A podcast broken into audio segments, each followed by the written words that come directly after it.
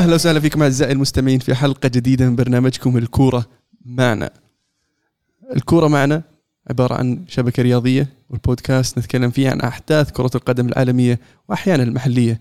آه، محدثكم المهند ومعي اليوم عبد العزيز. يا هلا وسهلا حياك أهلا وسهلا الله عبد. العزيز. شلونك؟ الحمد لله كيف الحال؟ الحمد لله طيب الحمد لله امور تمام وعلى يمين عبد العزيز عبد الرحمن اليوم. يا هلا والله وسهلا هلا. وسهلا. يلا حياك الله. وحيا الله الشباب الله يحييك. تلعب على الخلتين عبد الرحمن يمين يسار ما شاء الله. كلش. ما شاء الله عليك.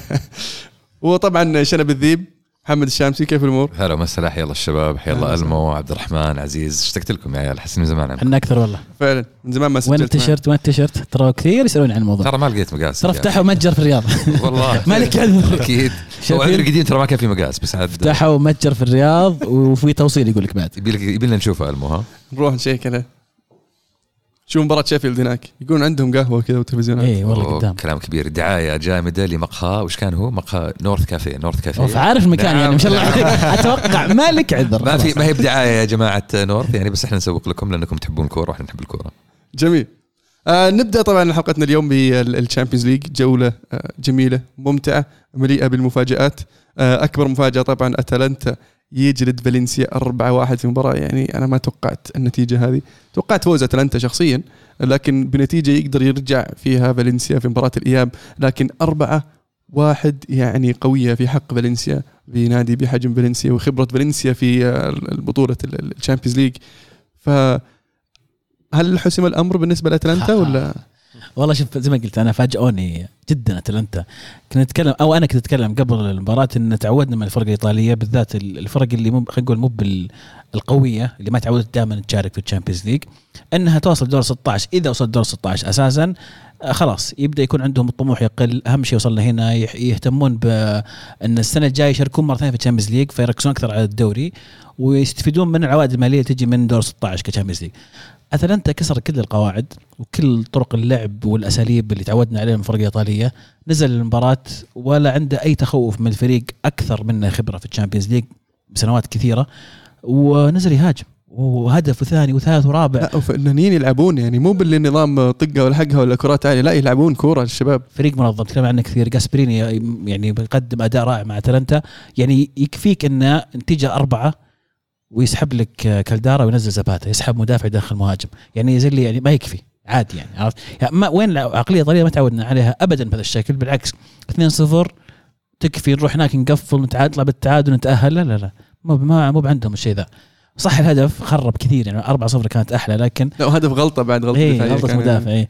لكن نتيجة كبيرة آم، صعب صعبة جدا على فالنسيا لكن ابدا مستحيلة 3-0 في في في أسبانيا ممكن وذكرت نقطة مهمة انهم فازوا الحين تقدموا أربعة من غير آه، موريال ولا حتى زباتا في, التشكيلة الأساسية.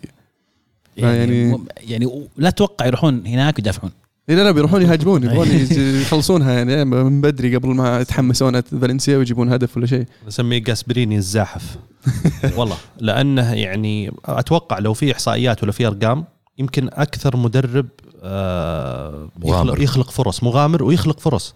يعني أنت تشوف مباراة الأتلانتا يمكن أنا يعني بحكم إني أتابع مباريات كثيره يعني أي شيء أتابع ما عندي مشكلة. فكنت أتابع بعض مباريات جنوة لما كان جاسبريني مدرب. ترى جا- جاسبريني كان آه، يعني قريب جدا من التأهل لأوروبا لما كان مع جنوة. يعني كانت آخر مباراة أو مباراتين يمكن هي اللي فرقت. آه، مباراة فيها طرف جاسبريني تشوف أكبر قدر ممكن من الفرص للفريق اللي يدربه جاسبريني. ومع العلم زي ما ذكرت إنه اثنين من مهاجمينه ما هم قاعدين يلعبون. يعني إليتشيتش هو اللي قاعد يلعب آه، مهاجم. وقاعد يخلعها. ب- جدا. لا أنا صراحة عجبني إنه غير إنه روح المغامرة إنها 4 1 ولا يوقف. أساسا يعني أدائك في الدوري كويس وادائك في الدوري ما حد متوقع منك شيء كبير في الشامبيونز. أول شا... أول سنة تشارك فيها أول سنة تأهل فيها من دور المجموعات لأنها أول سنة تشارك فيها. ومع ذلك ضمنت تقريبا يعني أنا بالنسبة لي 80% تأهلك إلى دور ال 16 ليش؟ لأن أنت عارف إن عند الفرصة اللي جاتك دور هذه اليوم الثمانية. دور الثمانيه الفر- الفرصة اللي جاتك هذه اليوم ممكن ما تجيك السنة الجاية. فحط كل حيلك فيها وادعس. فعلا. اللي, اللي طبعا يستحق يذكر ذكرناها أكثر مرة بس لازم نذكر فيها. أتلانتا أول فريق في تاريخ ال Champions League يخسر أول ثلاث مباريات ويتأهل لدور 16 يعني اللي آه. قاعد يسويه أتلانتا هذا الموسم يعني موسم تاريخي. استثنائي. فعلا. فعلا. ال- العجيب إن فالنسيا يعني طاحوا فريق على الورق أحسن فريق ممكن يقابلونه إذا يبغون يتأهلون. مع ذلك ال- المستوى في في السان سيرو كان أتوقع هذا اللي يستهون بالخصم يكون داخليا إنه يقول لك فريق والله ما عنده خبرة فريق أول مرة يلعب بال Champions بالمرحلة هذه ما يعرف شلون شلون يتعامل مع مجريات المباراة وانصدموا من من من جلدهم. جلدهم. وحارس فالنسيا ترى يعني كان سيء. مفلم. إي. كان مفلم بالنسبة لفالنسيا ترى يعني هو دخل المباراة شوي فيه ظروف صعبة عليه. يعني اثنين قلوب دفاع مصابين. آه، جراي وباوليستا ما كانوا كانوا مشاركين في المباراة. وهذا تعتبر يعني برضو آه، يعني شيء سيء بالنسبة للفريق لما اثنين عنصرين أساسيين وفي في مركز حساس زي, قلوب الدفاع غايبين. هذه تسبب إشكالية للفريق. انكشف الحارس من غيابه. مرة إي جدا. خصوصا انه يعني المدافع واحد منهم يمكن ما لعب من فترة طويلة مانجالا إذا تعرفونه حق السيتي أول. فيعني وغير كذا برضو في المباراة يعني عشان نكون برضو شوي يعني منصفين لفالنسيا في فترة أنا شفت المباراتين صراحة كنت واحدة ذيك على التلفزيون والثانية على الجوال. فهنا وهنا. ف فالنسيا يعني ما كان بذاك السوء اللي لو تشوف يعني لو ما شفت المباراة وتشوف النتيجة تحس إن فالنسيا سيء مرة. فالنسيا في في فترات يعني يعني كثيرة من المباراة هاجم وحاول وكان عنده أكثر من فرصة ممكن لو جت كان ممكن شوي تتغير الوضع وهي 1-0 وهي 2-0 بس طبيعي أنت لما تتأخر ب 2-0 بتفتح الملعب قدام فريق زي أتلانتا منظم وهجومي يعني متوقع أنه يجي فيك الثالث والرابع. كويس ما جاء حتى أكثر. حلو. في المباراة الثانية اللي هو حامل اللقب البطل ليفربول. يقابل ويخسر طبعا من أتلتيكو مدريد 1-0 في مدريد في ال- ال- الملعب الجميل المتروبوليتانو؟ واندا واندا متروبوليتانو نعم. آه، مباراة جميلة آه، فيها فيها كان آه، استبسال من من دفاع أتلتي وكانت يعني ما أعطوا فرصة لليفربول إنه حتى يسدد تسديده على المرمى. أول مباراة له في الموسم ليفربول ما يسدد تسديده على المرمى في الشوط الأول وكمل إلى نهاية المباراة ما سدد ولا تسديده على المرمى. أتلتي قدروا يحكمون القبض على خطورة ليفربول الهجومية وقدروا يخطفون هدف آه، بكرة ثابتة مع إنه صار في شوية دربكة وسجلوا هدف. آه، اللي يستحق الذكر إنه ليفربول ما يستقبل من كرات ثابتة وخاصة الركنيات آه، أهداف الظاهر ما استقبل إلا هدف واحد طول الموسم. و وأتلتي طبعا بخبرته بالكرات الثابتة وال- والعرضيات قدر يسجل هدف ضد ليفربول. والسؤال هو ذكرنا فيها سولفنا الموسم الحلقة الماضية عن اتلتي إذا يبغى يتأهل لازم يفوز على أرضه في المباراة الأولى. فاز على أرضه. هل يقدر يصمد في ال- ال- الأنفيلد؟ ولا بنشوف آه، ليفربول مختلف خلينا نقول. شوف إذا تسألني مين الفريق الوحيد في أوروبا اللي عنده التنظيم الدفاعي اللي يقدر يصمد في أنفيلد أقول لك اتلتي هو الفريق اللي عند فعلا عنده الخبرة على مدى سنين طويلة إنه يقفل وما يترك لك أي مجال إنك تلعب لعبك. يعني إلى حد ما أنا شفتها يعني تقدر تقول masterclass من سيميوني من ناحية طريقة اللعب. من بداية المباراة هم يستفزون لعيبة ليفربول يضيعون وقت. حركات أتلتي هذه تعود تعودنا عليها فترة طويلة إحنا نشوفها. بس أنا يعني بالنسبة لي يوم انسحب ماني بين الشوطين وكلوب قرر إنه يبدل. أنا بالنسبة لي هذا كانت إعلان الهزيمة لليفربول. خلاص المباراة الجاية هي المباراة اللي اللي, ممكن نأثر عليكم ونضركم فيها يا أتلتي. آه بس يعني تبديل تكتيكي يعني آه، وهو ذكر إنه بخوفه على ماني أول شيء، ثاني شيء إنه لما تلعب فريق ضد زي أتلتي آه، يعتمد على ال- ال- القوة البدنية والكرات العالية. وأنت كليفربول تعتمد على السرعة والارتداد وما يعطونك المساحة اتلتي إنك تلعب لعبك هذا. فتحتاج واحد آه، طويل القامة قوة بدنية تقدر ترمي له كورة وسط الزحمة الدفاعية اللي يسويها اتلتي بس يعني ما استفادوا صح؟ بس يعني على الأقل حاول يغير شكل الفريق لأساس يوصل للهدف. يعني شوف أنا يعني شخصيا في ناس كثير ممكن ما تحب ال- ال- ال- الفرق الدفاعية قد ما تحب الفرق الهجومية. أنا أستمتع لما أشوف دفاع منظم آه، وتكتيك يعني يحترم جميع الفريق ويعرف يأديه بطريقه صحيحه في الملعب وهذا اللي شفناه في المباراة هذه. أنا تحمست صراحة مباراة ليفربول لما جاء الهدف. الحين قلت الحين المباراة بيصير استبسال. أتلتي قصر يقفل الدفاع. طبعا إذا تذكرون قلت بتنتهي 1-0 فيعني كنت أبغى أشوف. الأتلتي كيف راح يعطل آه، آه، مفاتيح ليفربول. وفعلا قدروا يعطلوا مفاتيح ليفربول لدرجة إنهم حتى التسديد على المرمى ما قدروا يوصلون. ولا ويعني كمان شوي كان المضحك إن جمهور ليفربول ليفربول بشكل عام يعني داخلين المباراة يعني في نسبة سعادة إن هذا الملعب اللي فازوا فيه ال Champions السنة الماضية فقالوا يعني خلاص إحنا عارفين الوضع وأمورنا كويسة هنا. بس يعني قالها سيميوني بداية المباراة إحنا فزنا قبل ما ندخل الملعب لما شفنا الجماهير واقفة برا وشفنا الأعلام وال- وال flares والطراطيع اللي مشغلينها عرفنا إن إحنا داخلين عقليتنا صح وما كنا داخلين بنخسر. ها بعدين فرق لما تلعب في نفس الملعب وتقابل توتنهام ولا تقابل أتلتيكو مدريد؟ فرق كبير. ملعبهم بعد. آه خلينا نبدأ من الهاشتاج. آه يحيى يقول قبل فترة تكلمتوا في البودكاست عن طريقة لعب كلوب وسيميوني واستحواذ المساحات وتقسيم الملعب. أتوقع شفنا هالشيء بشكل واضح في مباراة أتلتيكو وليفربول في الأبطال. لكن السؤال كيف راح يستفيد سيميوني من ال advantage اللي حصل عليه من مباراة الذهاب لما يلعب في أنفيلد؟ برضو الحلقة الماضية قلنا يمكن يعني نتيجة أحسن نتيجة ممكن يطلع فيها اتلتي هي 1-0 صحيح. لأن تحافظ على إضافة شباكك. عندك هدف وشباك فايز تروح هناك هجمة واحدة مرتدة سجل فيها هدف أنت وضعك في السليم لكن أنا بلف السؤال عليك يا ألمو شو رايك يسوونها؟ والله يعني أتلتي يقدر وشفنا أتلتي يفاجئنا طلع فرق ترشحهم يسوونها؟ والله ممكن هو بس لو موراتا جاي بالهجمه ذيك الله يصلحه بس جته هجمة كان خلاص 2-0 اقتل المباراة ضيعها ما أدري إيش تسوي فيها كذا طحها فوق. بس اللي, اللي يذكر طبعا أن أتلتي رجعوا رجعوا عناصر كانوا مصابين لفترة من بينهم جواو فيليكس من بينهم آه، شو اسمه آه، تريبير من بينهم خيمينيز. خيمينيز. ففي عناصر جديدة وشفنا شفنا مباراة الدوري آه، أمام آه، فياريال فياريال. فياريال فعلا. اي عودة جواو فيليكس وتسجيل وسجل هدف و- وعودة آه، تريبير فشفنا الفريق كان في شكل أفضل أحسن مباراة بصراحة. في وجهة نظري شفتها لأتلتيكو مدريد. هذا الموسم أمام فياريال ال- يبدو المعنويات مرتفعة. توهم فايزين على ليفربول. يعني لما تفوز على فريق يعني ما حد قادر يفوز عليه في في, في الدوري حقه. ف شيء يعطيك علامة إيجابية يعني ففي في معنويات مرتفعة بالنسبة لاتلتيكو مدريد وقدروا يفوزون بثلاثة أمام فيريال. ف اشياء قاعدة تعطي أتلتيكو مدريد آه، فرصة أكبر إنه ممكن يحقق شيء. وإذا فعلا في فريق ممكن يسويها فإنه هو أتلتيكو مدريد لأنه يعرف يدافع ويقدر يستغل الكرات الثابتة وعنده لعيبة ممتازين في في آه، المرتدات. واهم شيء انه يعرف يستفزك ويطلعك خارج طورك ويخليك يعني عرفت اللي تتشتت وتتوتر في المباراة فعلا وتغلط أغلاط تضرك ذكرنا ذكر ما أدري إذا ذكرناه بالحلقة ولا بعد المباراة يمكن نشوف أن إذا دييجو كوستا كان جاهز ممكن أوه. يسبب مشاكل لفان دايك ممكن نشوف يعني آه، محارشة شجارة. م- م- محاش- م- مناوشات أيوة. ومحارشات و راح يصير شيء ممتع يعني إن شاء الله يصير آه، نشوف كوستا و وجواو فيليكس واحد يسوي قروشة واحد يسوي قروشة. مختلفة. إيه، ال- ال- الواضح إنه بتصير مباراة الإياب صعبة مرة. حتى تعاطي يعني ليفربول فريق آه، آه، ليفربول ومدرب ليفربول واللاعبين حتى كلهم يتكلمون عن مباراة الإياب بعد المباراة إنه يعني الوعد في أنفيلد أم- أم- كلوب صرح على سيميوني قال إنه يعني ما أدري إذا سيميوني شاف المباراة ولا لا لأنه كان مشغول مع الجمهور ما أعرف إيش. فيعني كلها تصريحات أتوقع إنها فيها شوي تقليل احترام للفريق المنافس. الفريق المنافس استحق الفوز لعب بطريقته المعتادة اللي إحنا متعودين عليها وفاز. وأنت بكامل بكامل عناصرك.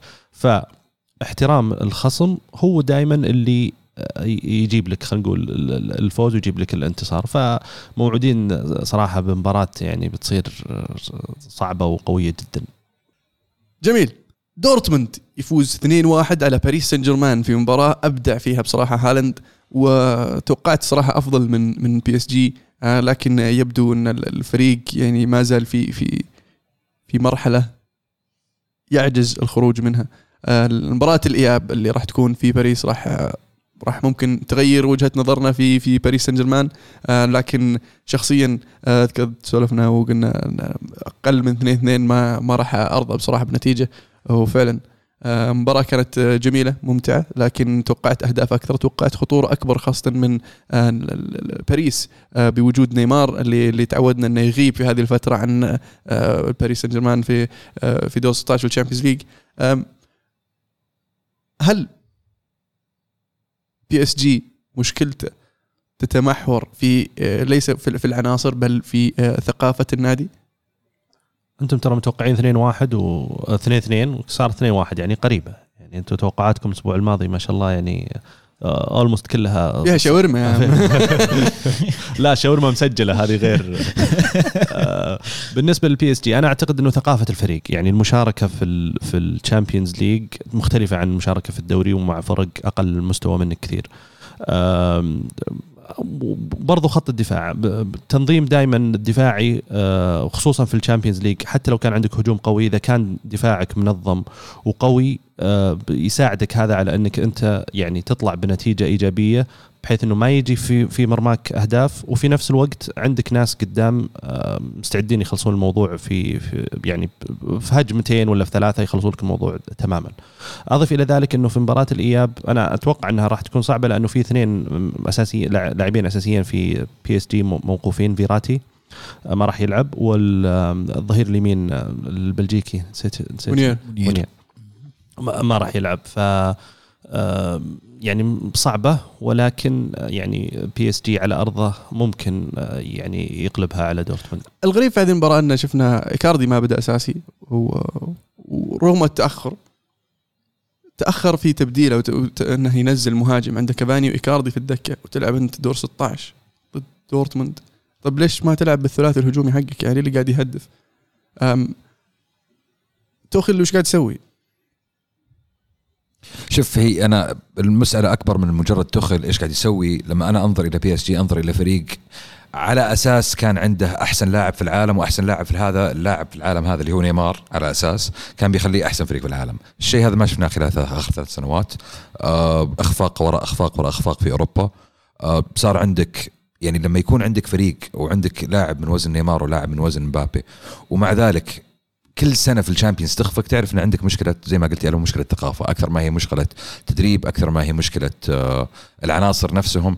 تلعب في دوري يعني مستواه محدود وبعدين تجي في أوروبا تقابل فرق مستواها أعلى بكثير من المستوى اللي عندك في الدوري. في عندك فراغ بين المستويات في أوروبا والمستويات المحلية. صعب إنك تقدر تغلق المساحة فيه. فأنا أشوف هذه مشكلة PSG الأساسية أكثر من أي شيء ثاني. ممكن مسألة اعتماده على النجومية ما ساعدته.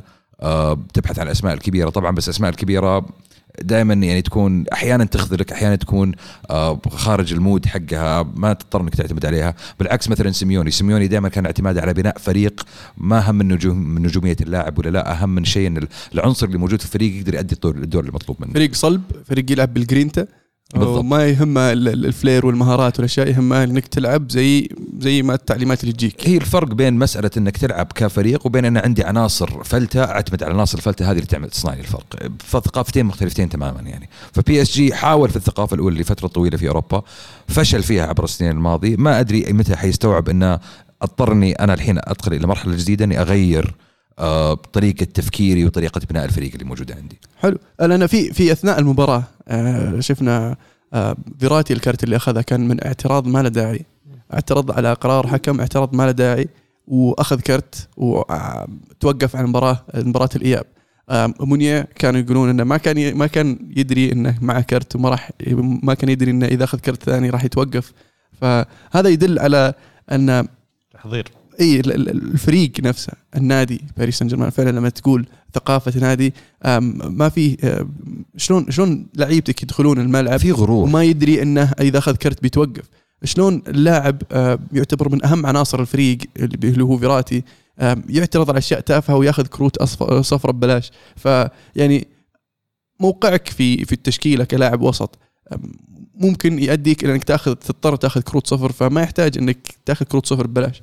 ف أم، عندك مشكلة تحضير اللاعبين للمباريات في هذا المستوى.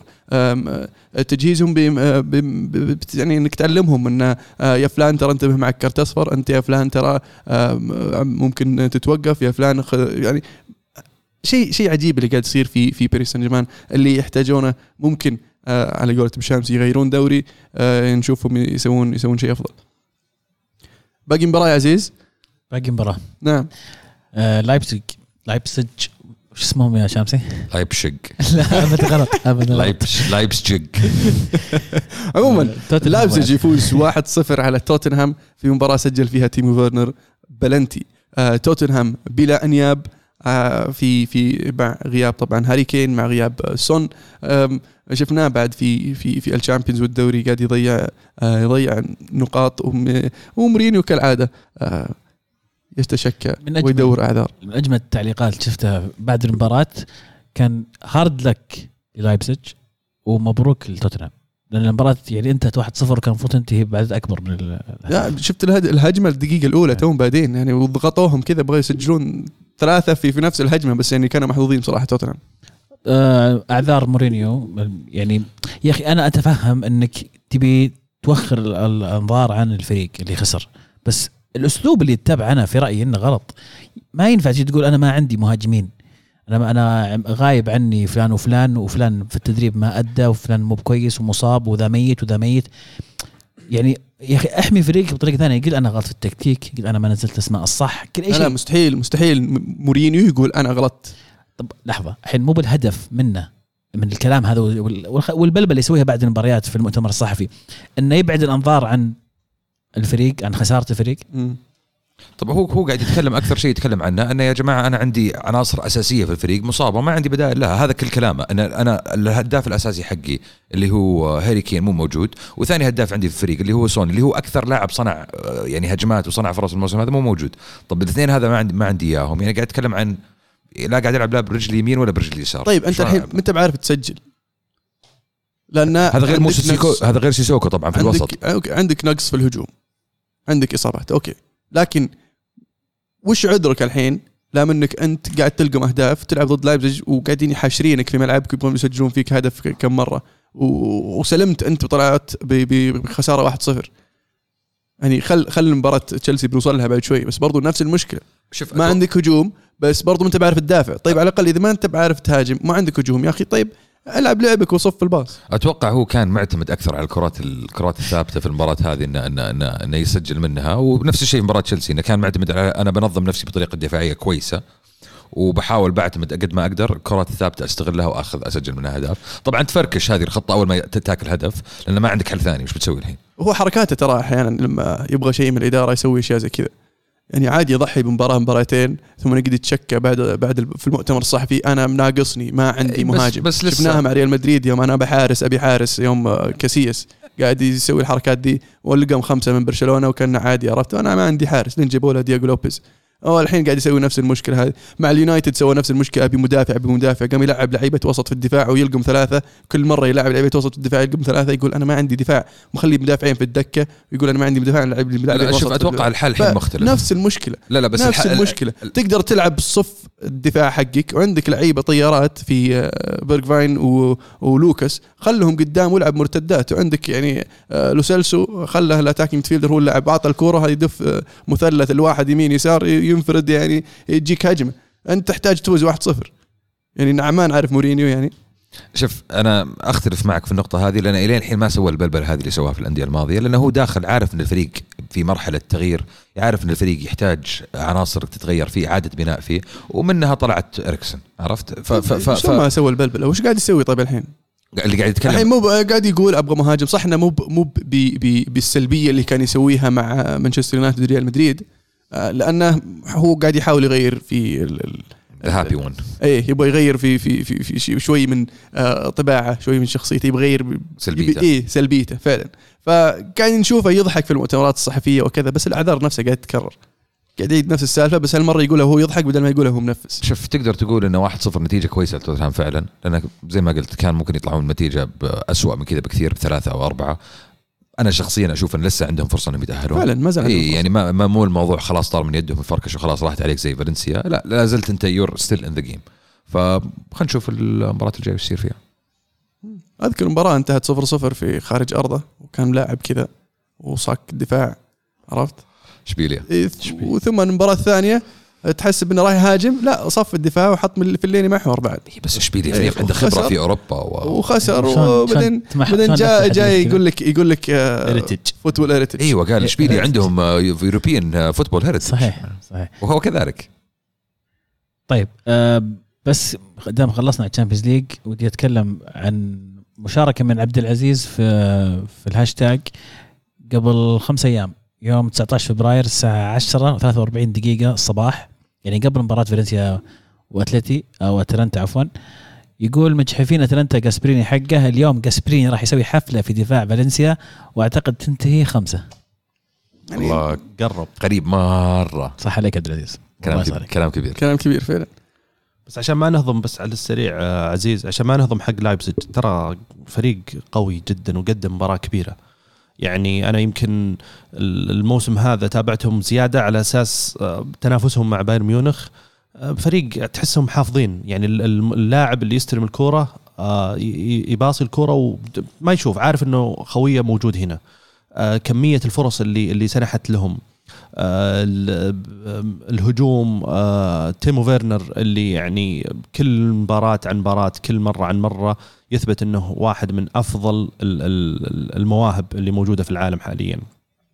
أنا أتوقع تيمو فيرنر وسانشو هم الاثنين بيصيرون حديث ال- ال- الانتقالات خلينا نقول الصيفيه السنة الجاية. تيمو فيرنر الحين ليفربول قاعد يحرجون عليه يقولون. ترى عاجبنا وشكله زين وهو بعد قاعد يتغزل معهم. أوه ليفربول يبوني والله شيء حلو هذا. والله فريق كويس فريق إيه، ممتاز. وأسلوب لعبي يناسب أسلوب لعبهم. وترى أنا شكلي شكلي زين أنا في الأحمر يعني ما آه عموما ال Champions League ما زال دور 16 فيه ففي عندنا جولة الثلاثاء وجولة الأربعاء.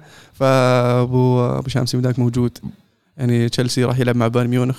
وتشيلسي ما أقدر أقول إنه في أفضل حالاته يعني. بايرن ميونخ يعني قاعد حاليا يجلد وواضح إنه صار لهم كم أسبوع قاعدين يرجعون إلى مستواهم وعادوا الصدارة. وبايرن ميونخ يبدو لي انه بايرن ميونخ اللي اللي تعودنا عليه لكن يعني في شوية ملاحظات لكن أفضل من بداية الموسم وأفضل من نهاية الموسم الماضي. ف إيش رأيك في, في شوف شخصيا ما عندي تفاؤل كبير الصراحة مباراة بكرة. مباراة بكرة بتنلعب في لندن في ستامفورد بريدج. آه، وضع الفريق في الوقت الحالي متذبذب جدا غير ثابت المستوى. أخسر ضد يونايتد آه، بجولة أفوز ضد توتنهام الجوله اللي بعدها. فمن ناحيتي ما ماني متوقع كثير من المباراة من تشيلسي. آه، ممكن تكون 2-1 لبايرن ميونخ. واشوف يعني أشوف إن 2-1 معقولة إلى حد ما.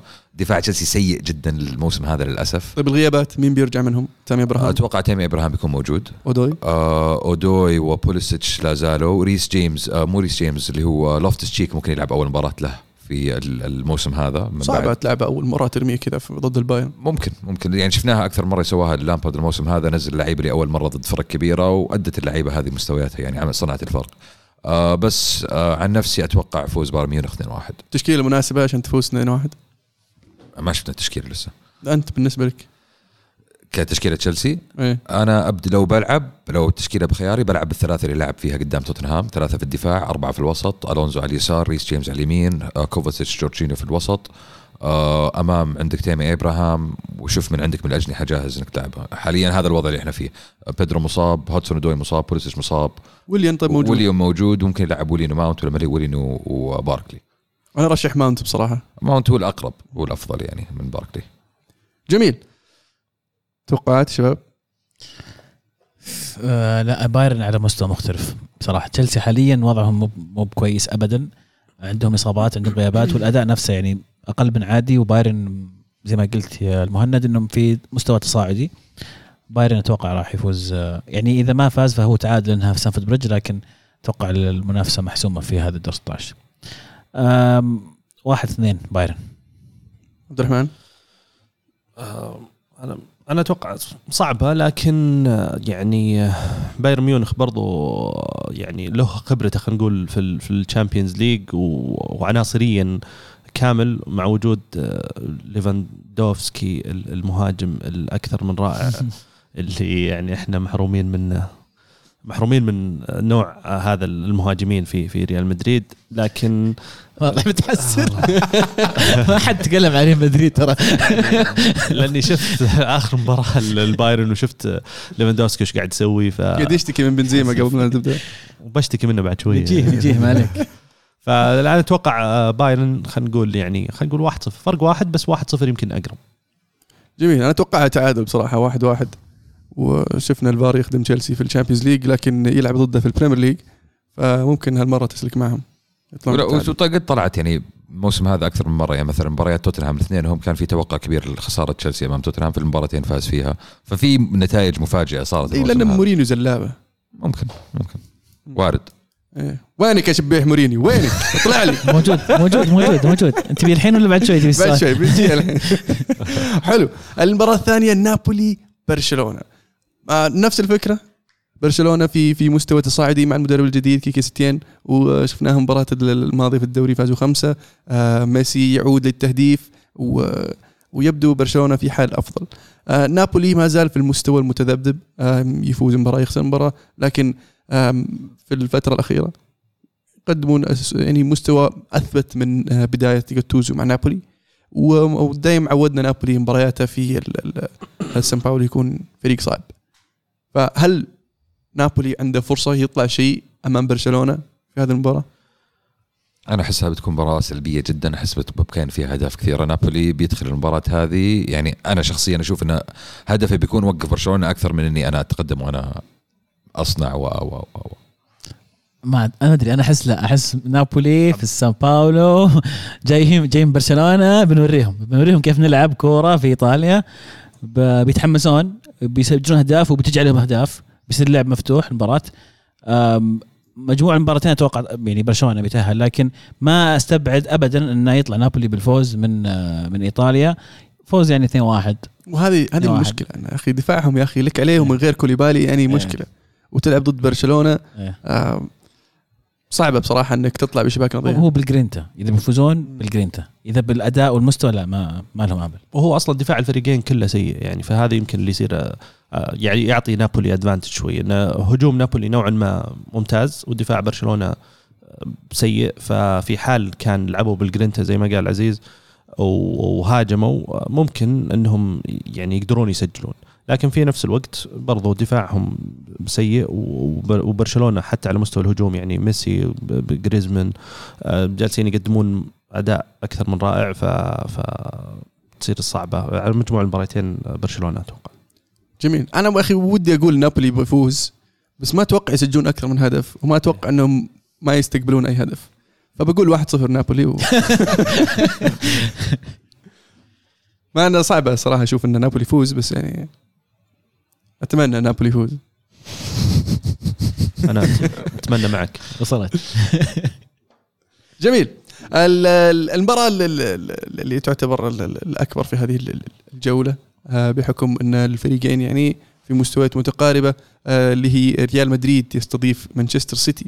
آه، مانشستر سيتي بالظروف الخارجة عن كرة القدم أو خارج عن المسطيل الأخضر يقابل ال- ريال مدريد اللي اللي يواجه مشاكل الداخل المسطيل الأخضر آه، آه، ب- بخسارة أخيرة أمام ليفانتي آه، بغيابات مثل إصابة آه، هازارد بيل اللي ما تدري وش وضعه فينيسيوس اللي ما بعد وصل لمستواه بعد الإصابة رودريجو اللي انطرد في مباراة ضد فريق في في فئة الشباب وما راح يلعب ضد برشلونة في الكلاسيكو لكن راح يكون جاهز طبعا أمام السيتي. فحدثني يا عبد الرحمن. والله يعني لو إنك جايني قبل مباراة ليفانتي كان الوضع مختلف. حتى تحدي شاورما أنا كنت مرشح مدريد الصراحه لكن آم، بعد الفترة الأخيرة اللي مر فيها المدريد الفترة السيئة سواء على مستوى الكاس أو حتى على مستوى الدوري آخر مباراتين أو ثلاث مباريات آه، بتخليني يعني آه، أشك في وضع الفريق للأسف. آه، فنيا السيتي حاليا أجهز.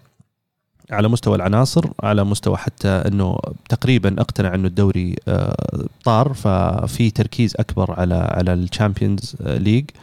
آه، ريال مدريد يعني الخسارة وخسارته للصدارة وخ- وخروجه من الكاس آه، خلت الضغط أكبر على الفريق بعد ما كان خلينا نقول الضغط لمصلحته. إنه كان ممكن يجي هذه المباراة وهو متصدر ووضعه في السليم آه، حتى على مستوى تسجيل الأهداف على مستوى ال- ال- ال- الكلين شيتس اللي صارت برضو في ال- في الفترة الأخيرة. آه، فكل كانت. كل المؤشرات كانت تقول مدريد. ولكن آه، يمكن إحنا بنتعمق فيها شوي أكثر بعد بعد ما نتكلم عن الشامبيونز ونتكلم عن الدوري. لكن وضع مدريد خلينا نقول داخل الملعب. زي ما قلتي المو مو مستقر. الفريق ما في تشكيلة واضحة. يعني ممكن أنت لو تجيني كمدريدي تقول لي وش بيلعب الحين ريال مدريد؟ تشكيلة؟ ما ما ما, ما أدري. يعني ممكن أعرف الدفاع تقريبا لكن لما تيجي خط الوسط آه، يمكن آخر ثلاث مباريات آه، لعب كاسميرو مودريتش كروس المباراة اللي قبلها لعب آه، كاسميرو وكروس وفالفيردي. المباراة اللي قبلها لعب آه، ايسكو ومودريتش و- آه، وكروس بدون كاسميرو فكثرة التغييرات في في فترة قليلة حتى ما ما تعطي لل- للفريق استقرار آه، كويس. غياب بنزيما عن التهديف آه، فترة طويلة. آه، كل هذه المؤشرات آه، يعني صراحة ما تبشر بالخير. ولكن زي ما قلنا وذكرنا سابقا في مباريات مختلفة والفرق مختلفة خبرة ال Champions League أو اللعب في ال Champions League بالنسبة لريال مدريد نوعا ما يعتبر مختلف. آه، لعل وعسى انه انه إنه هذه الخبرة أو أو, أو هذه الروح تظهر في في في المباراتين و- ويقدر ريال مدريد إنه يطلع بنتيجة إيجابية ويتأهل. أتوقع إنه بيلعب بالأربعة. خبر آه، تشكيلة نهائي ال Super Cup. على الأغلب إن هذا اللي بيلعب فيها امام آه. السيتي يعني أنا لو كان في هازارد كان أقول لك ممكن تصير مناسبة بحكم إنه يعني عندك واحد شوي على الأقل creative قدام أو أو لاعب اسكو. يعني فنان اسكو أنا عندي عليه يعني questions mark كثيرة يعني. يعني ما أدري عندكم آه، علامات تعجب واستفهام على لاعبين كثير وأنتم راضيين تبيعونهم يا أخي. وش ذا يا أخي؟ بنبيع إن شاء الله في الصيف. يعني أعطيتك مشروع ممتاز يظبط لك أندية أوروبا ويظبط لك فريقك وما عجبك عشان راموس. أنا- يعني خلى عندك راموس طلع الباقي. موافق. موافق. السيتي شو وضعهم يا لو؟ السيتي مولع. يعني في من من عقب ال- ال- ال- السالفة اللي صارت. والسيتي يعني في الملعب مركزين وهادين. فاللي قدروا يسوونه إنه قدروا يعزلون المشاكل اللي قاعدة تصير برا عن المشاكل اللي قاعدة تصير جوا. حتى تشوف تصريحات بيب بعد المباراة أه، بعد المباريات لما يسألون عن هذه الأشياء. أه، واضح إنهم مجهزينه وش يقول أه، وش اللي ما يقول. ف واضح إن السيتي شغالين إنهم يعزلون المشاكل اللي قاعدة تصير برا عن الفريق يبغون الفريق يركز على الملعب وخلوا عنكم المشاكل هذه. و... ولا تفكر مستقبل الفريق وش بيصير فيه أنا مستقبلي بيصير خليك أنت في الملعب خليك فريقك لما يجي الصيف ولما يطلع نخلص الاستئناف والأشياء هذه تقدر إيش آه تفكر في مستقبلك إيش بيصير. بس الحين ركز على الملعب. وفعلا هذا اللي شفناه شفناه في السيتي في آخر مباراتين آه، لكن حاليا آه، إنك تلعب مع ريال مدريد راح يكون آه، شيء مختلف عن إنك تلعب مع ليستر سيتي. و- فراح يصير تحدي جديد بالنسبة لبيب جوارديولا وراح تصير مباراة ممتعة إن شاء الله لأن كمتابعين لما نشوف زيدان آه، وبيب وفي في البرنابيو راح تصير مباراة ممتعة. أنا أحس مسألة ال- ال- القضية اللي صارت للسيتي المنع من ال Champions سنتين بيكون حافز كبير لهم جدا آه، في مباريات بكرة إنهم يأدون أحسن أداء. آه، يعني أحس إن بيب معطيهم وضعية اللي, ما يبون نلعب السنة الجاية ونروح خلونا نوريهم وش يمدينا نسوي السنة هذه. أشوف أنا شخصيا السيتي في وضعية أحسن في الفترة الماضية. أتخيل أن السيتي ممكن داخل عنده اندفاع أكثر وحماس أكثر في المباراه فبالتالي أحس أن س- يعني بتكون من صالح السيتي المباراه بكرة. توقع نتيجة طيب؟ أتوقع أهداف. 3 1 3 2 ممكن. سيتي؟ إيه. في البرنابيو؟ برنابيو okay. عزيز؟ نقطة مهمة ذكرتها ألمو واتفق معك فيها أن قدرة الإدارة على الفصل بين المشكلة وال وال وال واللي يصير في الملعب. لأن تخيل لو هذا الشيء وصل للعيبة وصار كل واحد يفكر في مستقبله وكل واحد يكلم مدير أعماله يلا جهز لي فريق بروح له وبيب يفكر. فالعزل هذا اللي صاير ممتاز جدا ومهم جدا. النقطة الثانية ذكرها محمد أيضا أتفق معه فيها. هذا قد يكون حافز للسيتي أنه يا جماعة الخير ترى يمكن ما في سنة الجاية Champions League فلازم نوريهم السنة هذه ان بناخذ غصب. اللي ننساه في الكلام اللي قلته قبل شوي هذا إن ريال مدريد هذه لعبته هذه بطولته. أوكي مدريد ما هو في يوم اليوم ما هو في أحسن مستوياته لكن عندهم عندهم شيء كذا جوا DNA يعرفون يفوزون في المباريات هذه Champions League فأعتقد في البرنابيو راح يفوز مدريد وراح يكون فوز يعني آه، جيد فرق هدفين أتوقع. آه، تبقى مباراة الإياب حسب كيف يلعبها زيدان كيف يلعبها بيب لكن ما زلت أتوقع إن مدريد راح يطلع من هذه ال- ال- المباراتين متأهل.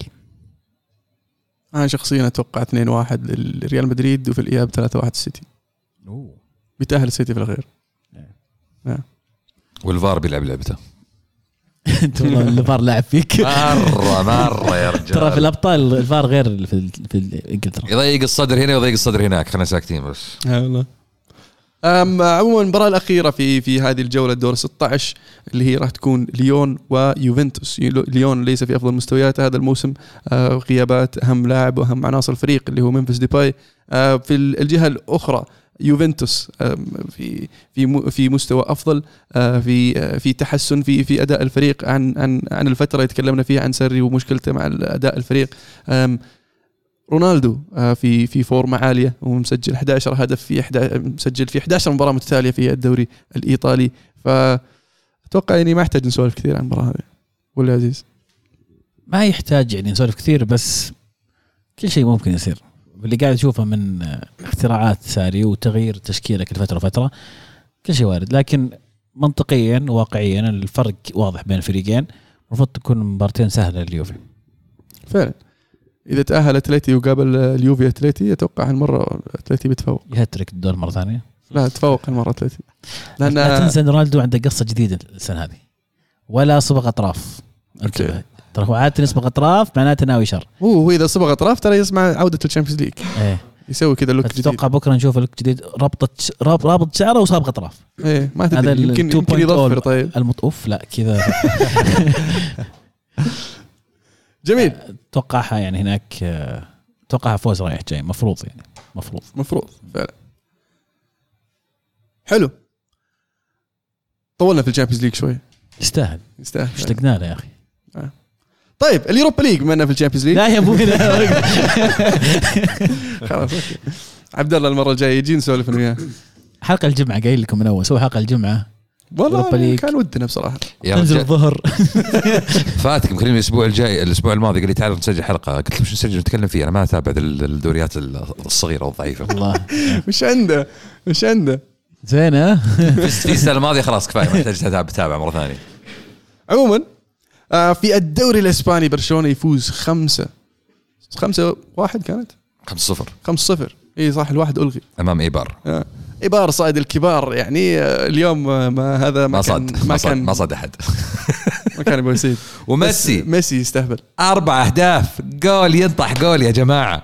إيش. في يا هو؟ إيش في؟ شلون كذا؟ شلون كذا يا عزيز؟ شلون غاب أربع مباريات؟ طيب لما تكلمت عن غياب أربع التسجيل لا أنا؟ أتك... أنا أتكلم عن غاب غاب أربع مباريات عن التسجيل يا أبو شامسي وهذه المدة ما صارت من عام 2013 متخيل سبع سنين؟ وعوضها. يا ما غاب مباريات، وسجل بهذه المدة يعني ما عرف يسجل. شوف أنا أنا يعني أنا توني قبل شوي قاعد أنظر الجدول الدوري الفرق بين الهداف الأول ميسي والثاني خمسة أهداف. وش دعوة يا جماعة؟ والله. لا وغير ذلك إن ميسي ترى غاب للإصابة لفترة طويلة بداية الموسم. بعد. من الثاني طبعا؟ أنت البنز. شوف- من الثاني البنز. إي لا البنز. البنز. لا بس يعني يبقى أداء ميسي يعني توقعنا ميسي كل ما يكبر في السن كل ما كم يقل. هدف بالله يا ميسي؟ 18 في الدوري. فرقه عن إيموبيلي كم الحين وصل؟ تقريبا سبع سبعة. اهداف لا وهذا ايموبلي يشوت بلنتيات وما لا انصاب ثمانية. موبيلي سجل خمس 26 26 وصل؟ إيه. 27 الظاهر بعد. 27 هو سجل في المباراة اللي. راحت إيه، إيه. معلش بس يعني تتكلم عن هداف أوروبا. عشان تفضل أيوه فبس التحية ل- ل- لميسي اللي توقعنا إنه تقل أداءاته كل ما كبر عمره. ومع ذلك قاعد يثبتنا خطأ سنة ورا سنة. ما في شيء أقدر أقوله الصراحه لا لا قلت أداءاته يعني هذا الموسم يعني معليش. إصابة و, يا و... ما هذا هذا اللي مدرب مدرب بحكم السن جديد وبحكم الأشياء هذه فاشياء تتوقعها اي إيه، بس ما زال ما زال ميسي إيه، بس يطلع لك أمام ايبار ثم يختفي أمام فريق زي ليفربول. لا هذا هنا تبدأ تقول. أوبا. هنا تتكلم. أنا ودي أتكلم عن ميسي في المباراة هذه. ما يدخل أمام ليفربول السنة الماضية. أتكلم المباراة هذه. أربع أهداف super hat-trick. الهدف الأول يا جماعة الهدف الأول جميع. يعني الحاله هذا الهدف لو ما سجل الا هو يكفي نقول شوف أي احد أي أحد ينتقد ميسي وش سوى. هذا هو. اي شوف كيف كذا بهدوء كبري عادي يعني كذا بكل هذا. يا أخي ما أدري أنت قلت يا محمد إن الناس توقعوا إنه يبطل أنا ما أدري مين توقع إنه يبطل ميسي لأنه ميسي يعني هو مو طبيعي لا هو ولا رونالدو. متعة يا أخي متعة فعلا متعة. طبيعي فعلا. ما رجع إلا قبل مباراتنا الله يهديه. الكلاسيكو طبعا الأسبوع الجاي. وبرشلونة قدر يخطف الصدارة قبل ما يجي الكلاسيكو وعلى ما يبدو إنه راح يوسع الفارق. طبعا عودنا برشلونة أن البرنابيو حديقتهم. الخلفية. ولا؟ كيف كيف آه. تصدر؟ وش صار مع مدريد عبد الرحمن؟ مدريد خسر 1-0 من ألافيس. أوف. ليفانتي. ليفانتي صح؟ ليفانتي. الخفافيش. دار الكبار.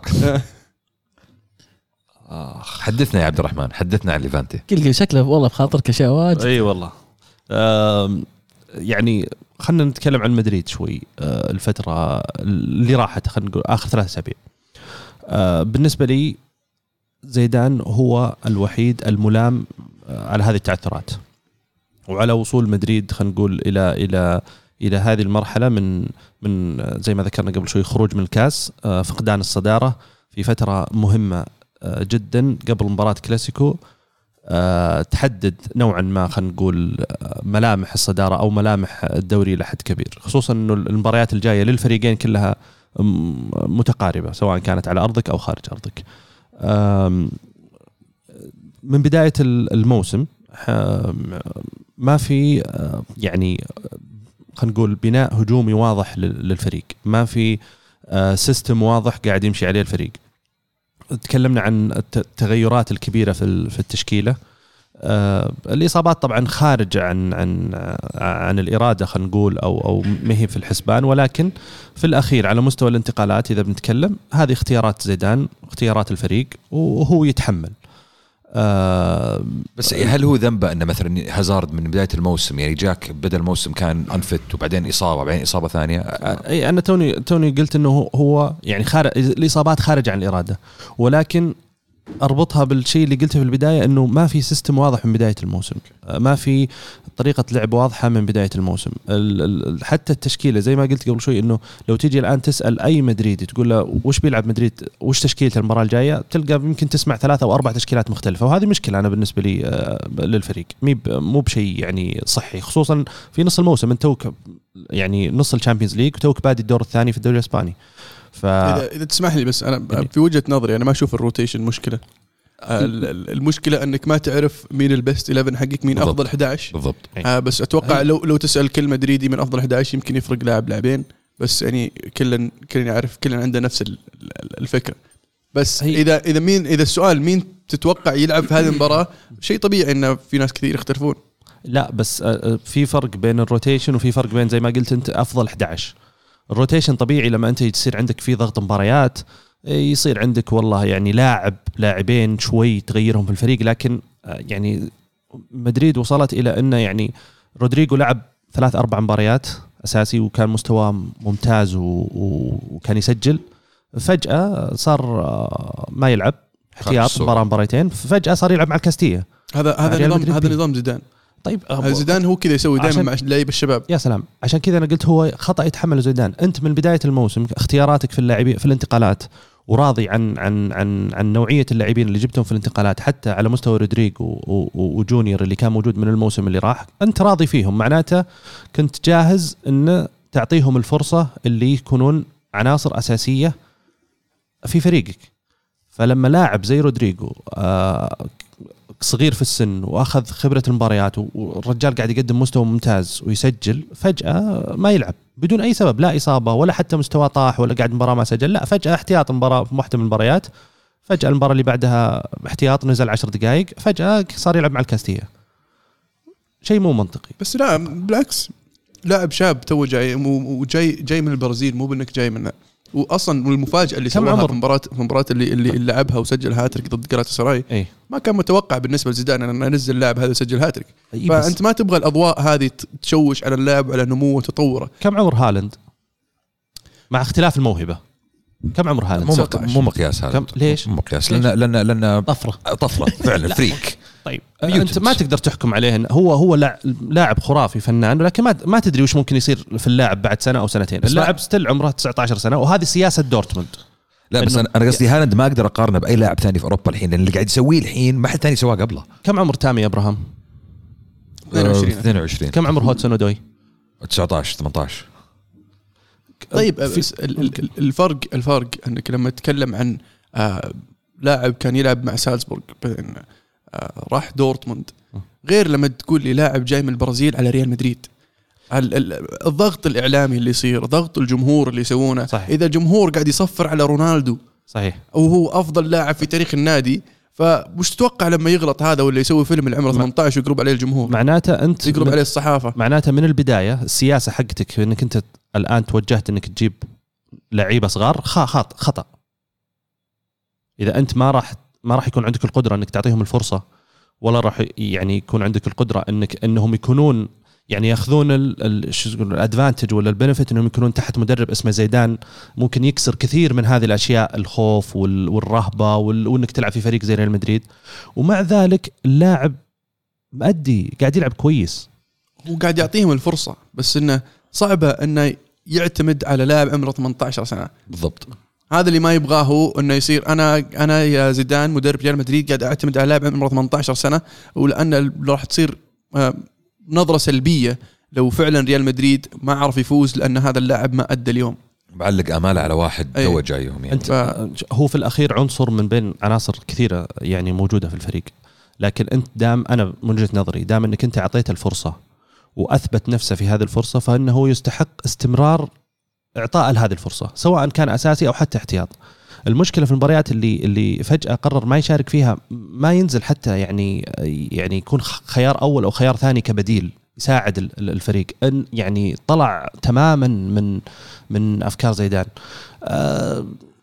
ه- ما هذه هذه يعني وجهة نظر ممكن تصير مختلفة وكذا لكن أنا بالنسبة لي إن أنت قررت و- ووافقت على هذا النوع من اللاعبين أو هذا النوع من الانتقالات بهدف إنك أنت يصير عندك زي ما نقول ميكس من اللعيبة الخبرة واللعيبة الكبار اللي موجودين في الفريق مع اللعيبة الشباب ويتدرجون ويلعبون في فترات مختلفة من الموسم. وهذا كان من اختيارك. بس هذا تغيير توجه ال- الإدارة وليس صحيح، زيدان لأنه صحيح. بدأوا يسوون هذا الشيء من قبل ما يجي زيدان كمدرب. صحيح. بس ما ما في ما عندك نهج واضح ما في شيء واضح. يعني الحين يعني مدريد قاعد يلعب من بداية الموسم بدون داخل الملعب يعني بدون سيستم ما في يعني ما تقول والله ال- ال- الفريق جالس يلعب بهذه الطريقة آه قاعد يفوز بهذه الطريقة اعتمادا على بنزيما مع هازارد مع شوي آه الأربع الأربع لاعبين الوسط يبني من الخلف. لا لا والله يعتمد على الأطراف. ما ما ما تدري. كل مباراة. ألعب بالأطراف. إذا توهق دخل لوكاس فاسكيز وجونيور ولا هازارد من الجنب ومع كارفخال ومندي ولا مارسيلو وحط الكره في المنطقة. يعني على امل تجي ال... ال- البنزيما ولا على امل تصقع وتجي ال cross من ورا وي... ويسجلها.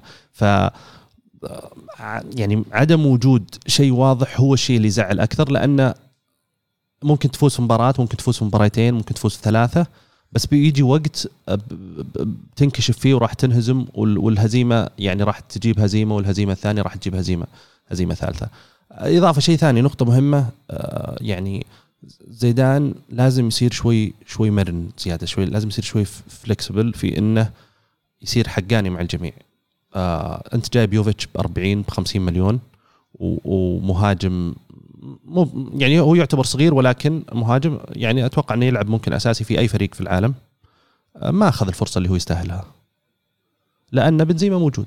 طب أنا أقول لك يا أخي لا تلعب يوفيتش على بنزيما. خل بنزيما موجود. هم بنزيما يف- يفتح مساحات ما أدري شو يقولون يفتح مساحات للاعبين الثانيين ويصنع وكذا. خله عطى هذه المهمة. خليه يفتح مساحات خليه يفتح مساحات. خليه يفتح مساحات ليوفيتش ولعب يوفيتش. عطى عطى الفرصة وخلنا نشوف. بس كذا يضطر يغير التشكيل خطه تصير 4 4 2 ما يخالف.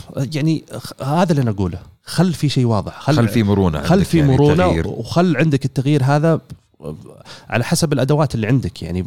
في الأخير أنت حاولت أو في الأخير حاولت تبني شيء معين. هو ما حاول فيه ولا سعى يعني له له آه ابدا. آه يكفي انه أصلا يعني أكثر ثاني لاعب مسجل عندك مدافع وأكثر ثالث لاعب مسجل عندك لاعب وسط. آه، بنزيما آخر 11 مباراة مسجل هدف واحد. ذي. آه، ضيع ضيع انفرادتين قدام ليفانتي الشوط الأول يعني كانت ممكن تحسم مباراة تخلص مباراة وتمنعنا من كل من كل هذا ال- الحديث. الكلام. أو كلاسيكو الأسبوع الجاي؟ كلاسيكو الأسبوع الجاي. توقعاتك للمباراة؟ بدون تشاؤم يعني بدون تفاؤل. والله والله شوف. يعني واقعي شوي. بما أن في مباراة قبل في الشامبيونز ليج ضد ضد ضد السيتي أنا أتوقع أن مباراة السيتي هي اللي ممكن بتحدد نوعا ما. ولكن أنا متفائل في مباراة الدوري أكثر من مباراة الشامبيونز ليج. متفائل يعني شوي إن شاء الله. شوي- شو- شوي مو بكثير. ما اقنعتنا شوي شوي. توقعات يا شباب؟ متفائل يعني إنك ما تخسر ولا متفائل بترجع الصدارة؟ لا متفائل بنفوز بنرجع الصدارة في الكلاسيكو. حلو. أحد يتوقع يا شباب؟ البرشلونة بيفوز. برشلونه بيفوز. okay. ميسي بيجلدهم جلد 2 0 عزيز تكفى. برشا. يقطع ما أسمع. أتوقعها تعادل. عشانك يا عبد الرحمن بس والله. شكرا لك. حلو. في في عندنا أسئلة لل للليغا؟ ولا نخليها في الهاشتاج في في مشاركة عن برشلونة إذا تحبون. حلو. برشلونه عبد الرحمن يقول برشلونة سيتين تحسن في الأداء وخطورة أكبر على المرمى واستحواذ إيجابي أكبر. الفريق وطبعا أكبر الفريق ما أدري إيش قصده بس طبعا ميسي فوق الوصف أصبح لديه هوية لكن الفريق أكبر عيوبه بوسكيتس وحل هذه المشكلة هو فيدال بجانبه أو من الأولى لعب ديونج مكانه قدامنا مباراه صعبة في نابولي ويا رب ما حد يجيه كورونا. فعلا. آمين. حلو. بس مو مو بستيان اللي اللي, اللي يتحسن. برشلونة اللي يتحسن. أنا بادئ بدأوا. برشلونة سيتين. هو قال برشلونة ستين إيه. ولا قال ستين؟ لا قال برشلونة سيتين. آه okay ممكن. حلو. جميل. نوصل للبريمير ليج البريمير ليج كان فيه آه، مباراة صارت الاثنين الماضي أبو شامسي ودي يسولف عنها يعني خسروا من اليونايتد آه، تشيلسي ليش ليش اليونايتد. بده يسولف عنها؟ ليش ما أنت ودك تسولف عنها طيب؟ لأنها الأسبوع الماضي خلاص يا يعني أخي تشيلسي. فزنا عليهم ثلاث أربع مرات الموسم ذا فيعني ما في شيء جديد عرفت؟ فعموما يعني فاز اليونايتد 2-0 على تشيلسي في ستانفورد بريدج لا مفاجآت هذه نصب واحتيال. الفار الموسم هذا يثبت مرة أخرى مرة ثانية وثالثة ورابعة نصبه واحتياله. طبعا للتذكير المباراة كان فيها هدفين آه لتشيلسي تم إلغائهم عن طريق الفار. الهدف الأول كان محسوب تسلل عن طريق جيرو أقبل فيها ما عندي أي مشكلة. الهدف الثاني كرة جاية من ركنية المدافع أسبيليكويتا تم دفعه من أحد مدافعين اليونايتد وبالتالي دفع أحد مدافعين اليونايتد ولذلك السبب ألغى الهدف الحكم الهدف بسبب تهمة دفعة اسبليكويتا طب يا أخي أنت قاعد تشوف نفس اللقطة نفس اللقطة اللي قاعد تشوفها اللي اسبليكويتا قاعد تدف فيها لاعب قاعد يندف وش قاعد تسوي؟ طبعا طبعا طبعا هذا غير نقطة الأهم من ذلك في ذلك في المباراة اللي هي دعسة آه، أو بالأصح آه، رفسة أو رفسة. ركلة هاري ماجواير على آه، مهاجم تشيلسي عيني عينك يا جماعة والله عيني عينك. الرجال يعني مع كامل الاحترام انخصى مع كامل الاحترام. وش قاعد تسوي؟ شلون ما طردته؟ وطبعا المصيبة الأكبر من ذلك انه بعد اللقطة هذه يكمل ماجواير ويسجل الهدف الثاني لليونايتد يعني ما أدري الصراحة وش أقول أنا بالضبط؟ طيب تسمح لي بس أعود لص... هذه حقت ماجواير طرد صريح وبجيح بس ما أدري وش كان العذر. أنا أنا أتوقع العذر إن اللاعب إنجليزي اللي هو ماجواير لو أي لاعب ثاني كان أنطرد على طول. أه عموما. المشكلة يعني عنيفة يا ألمون يا. شايف؟ عنيفة جدا ولما تشوفها. كل ما تشوفها مرة ثانية كل ما إيه، تنعاد سيئة. مرة سيئة مرة. ومع آه. ذلك يعني أنت عندك فار عندك system بملايين ال- الجنيهات مدري الباوندات مدري إيش عندكم أنتم هناك. ما يمديك ترجع تشوف اللقطة كمان مرتين ثلاثة. ارحمني ارحمني والله ارحمني. عذرهم أنها كانت غير متعمدة. يا حبيبي مستقبل أطفالي هذا. ما في شيء اسمه غير متعمد مستقبل أطفالي. عموما أبغى أرجع لسالفة ال- ال- بس- بس الفاول الحق- حق اسبليكويتا الحق ينقال الحق ينقال. التحية لليونايتد الموسم هذا أولي عرف إنه يعني يعرف إنه يكسب على تشيلسي ثلاث مباريات مختلفة. ما أتذكر آخر مرة يونايتد فاز على تشيلسي ثلاث مباريات مختلفة. في موسم واحد. أول في- مرة في في موسم تاريخ واحد. البريمير ليج مانشستر يونايتد يفوز على تشيلسي رايح جاي. ذهاب وإياب. إي إيه. بالضبط. آخر مرة سواها مانشستر يونايتد عام 87 لا ففعلا التحية لأولي على على انه عرف في المباريات هذه أنه يضبط تكتيك الفريق وأنه يتعامل معه بالطريقة الصحيحة، صحيح كانت المباريات أو واحدة منهم أول مباراة الموسم للامبارد مع تشيلسي والثانية أفلام ونصب واحتيال وفار. لانك لأن, لأن أنت عارف يا ألمو وأنا عارف انه لو طلع لو انطرد ماجواير ما كان جاء الهدف الثاني ولو ما كان جاء الهدف الثاني كان تشيلسي عنده فرصة كبيرة جدا جدا يعود في المباراة. فعلا. بس أبغى أرجع لسالفة الهدف ال- ال- حق اللي ألغي اللي دفعت أسبريكوتا. آه، طبعا فريد واسبريكوتا كانوا يتنافسون آه، ف آه، اسبريكوتا استخدم يدين الثنتين آه، اللي عشان يدف ويليامز. ويليامز كان يحاول يرتقي ودفه وطاح ففاول صريح ولكن واضح وبجيح كان مدفوع من طرف فريد طبعا شيء شيء طبيعي شيء طبيعي إن لما اثنين يتنافسون على الكورة يتنافسون منطقة جزاء؟ كورنر ما كان في دفعه ما ما استخدم يدينا فريد الثنتين عشان يدف آه، اسبليكويتا ألمو أنت قاعد تعطيني يتنافسون. حرام. يتنافسون. آه، شيء طبيعي إن الالتحامات هذه تشوفها بس لما تستخدم يدينك عشان تدف واحد لا هنا غلط. أنا أشوف إن هذا قصور من الفار. أنا أشوف إن الهدف كان المفروض انه يحسب. أنا أشوف إن حاليا في الفار الموسم هذا في مشاكل كثيرة جدا من ناحية التسللات والفاولات وهذا يعني من أبرز الأمثلة فيها. هذه المباراة الأولى مباراة تشيلسي الأولى ضد يونايتد. يونايتد فاز. مباراة تشيلسي الثانية الأسبوع هذا كمان كانت أمام توتنهام. فاز فيها تشيلسي 2-1 وصار فيها نفس الفيلم حق الفار. لو سيلسو عيني عينك أمام خط الأداء أمام أمام أمام مورينيو. يدعس على اسبركويتا دعس بغى يكسر رجله. ها يا فار وش السالفة؟ إيش فيه لا ما فيها شيء مب فاول ذي. ما لقى مكان يحط رجله فيه. ولا والمصيبه وين؟ المصيبة في نفس المباراة وإحنا لسه قاعدين نتابع. المعلقين يقولون أوه ترى سمعنا من جماعة الفار ترى هم غلط المفروض يطردون لو سيلسو طيب يا أخي أفرض أنا جايب التعادل. وش كان سويت أنا؟ أكل هوا لأن الفار قاعد يخفق؟ يعني مو مو بمسؤوليتي أنا فريق أتحمل أخطاء الحكام. أنا الفار انحط انه يصحح الأخطاء هذه. اللي قاعد يصير الأخطاء هذه لا قاعد تكثر. قاعد تكثر يا يا ألمو. ف- شيء غريب فعلا. بس في هذه المباراة بشكل عام مباراة توتنهام تشيلسي توتنهام كان سيء جدا؟ جدا جدا سيء توتنهام. من أسوأ مباريات شفتها لتوتنهام الموسم هذا. التشكيلة اللي دخل فيها مورينيو مسوي نفس ذيب إنه والله تشيلسي بيلعبون 3 4 3 أنا بعد بلعب 3 4 3 يعني مع محبتي ومورينيو واحترامي له ما عند ما عنده سالفة كان في المباراة هذه. آه الأجنحة اللي عنده لا سووا ولا شيء لا صنعوا ولا رفعوا ولا. وبالمقابل تشوف أجنحة تشيلسي اللي لعبوا اللي هم ألونزو وريس جيمس يعني ماخذين راحتهم ومستمتعين في اللعب. آه تحية كبيرة جدا لجيرو. أول مباراة يبداها من ثلاث شهور تقريبا ويسجل هدف فيها. دائما يعني تتمنى إنه يكون اللاعب عنده المهنية العالية هذه إنه يكون دائما مستعد إنه يدخل في المباراة ويقدم أكثر شيء عنده إياه. وشفناه هذا الشيء من جيرو. كان شيء بالنسبة لي جدا جميل. طبعا مشاكل تشيلسي الدفاعية لا زالت تتكرر في نهاية المباراة. آه يعني يأكلون تشيلسي هدف في الدقيقة 88 سبب توتر كبير في آخر خمس دقائق كان يعني في غنى عنه. ولكن لامبارد يحافظ على المركز الرابع في البريمير ليج. فرق بينه وبين أقرب منافس حاليا ثلاث نقاط اللي هو اليونايتد إذا ماني غلطان. وتبقى فرصة تشيلسي للتاهل للشامبيونز ليج السنة الجاية عن طريق المركز الرابع مستمرة. جميل. أم أم ال- ال- ال- السيتي يعني فاز على السيتي 1-0 السيتي فاز المان سيتي ليستر فاز. على الليستر سيتي. نعم. المنافسة منافسة المركز الثاني والثالث اللي ما ظهر أحد منتبه له الحين. بالعكس بالعكس هذا هذا هذا ال- ال- اللي تحت ليستر سيتي هم اللي منتبهين لهذه المباراة.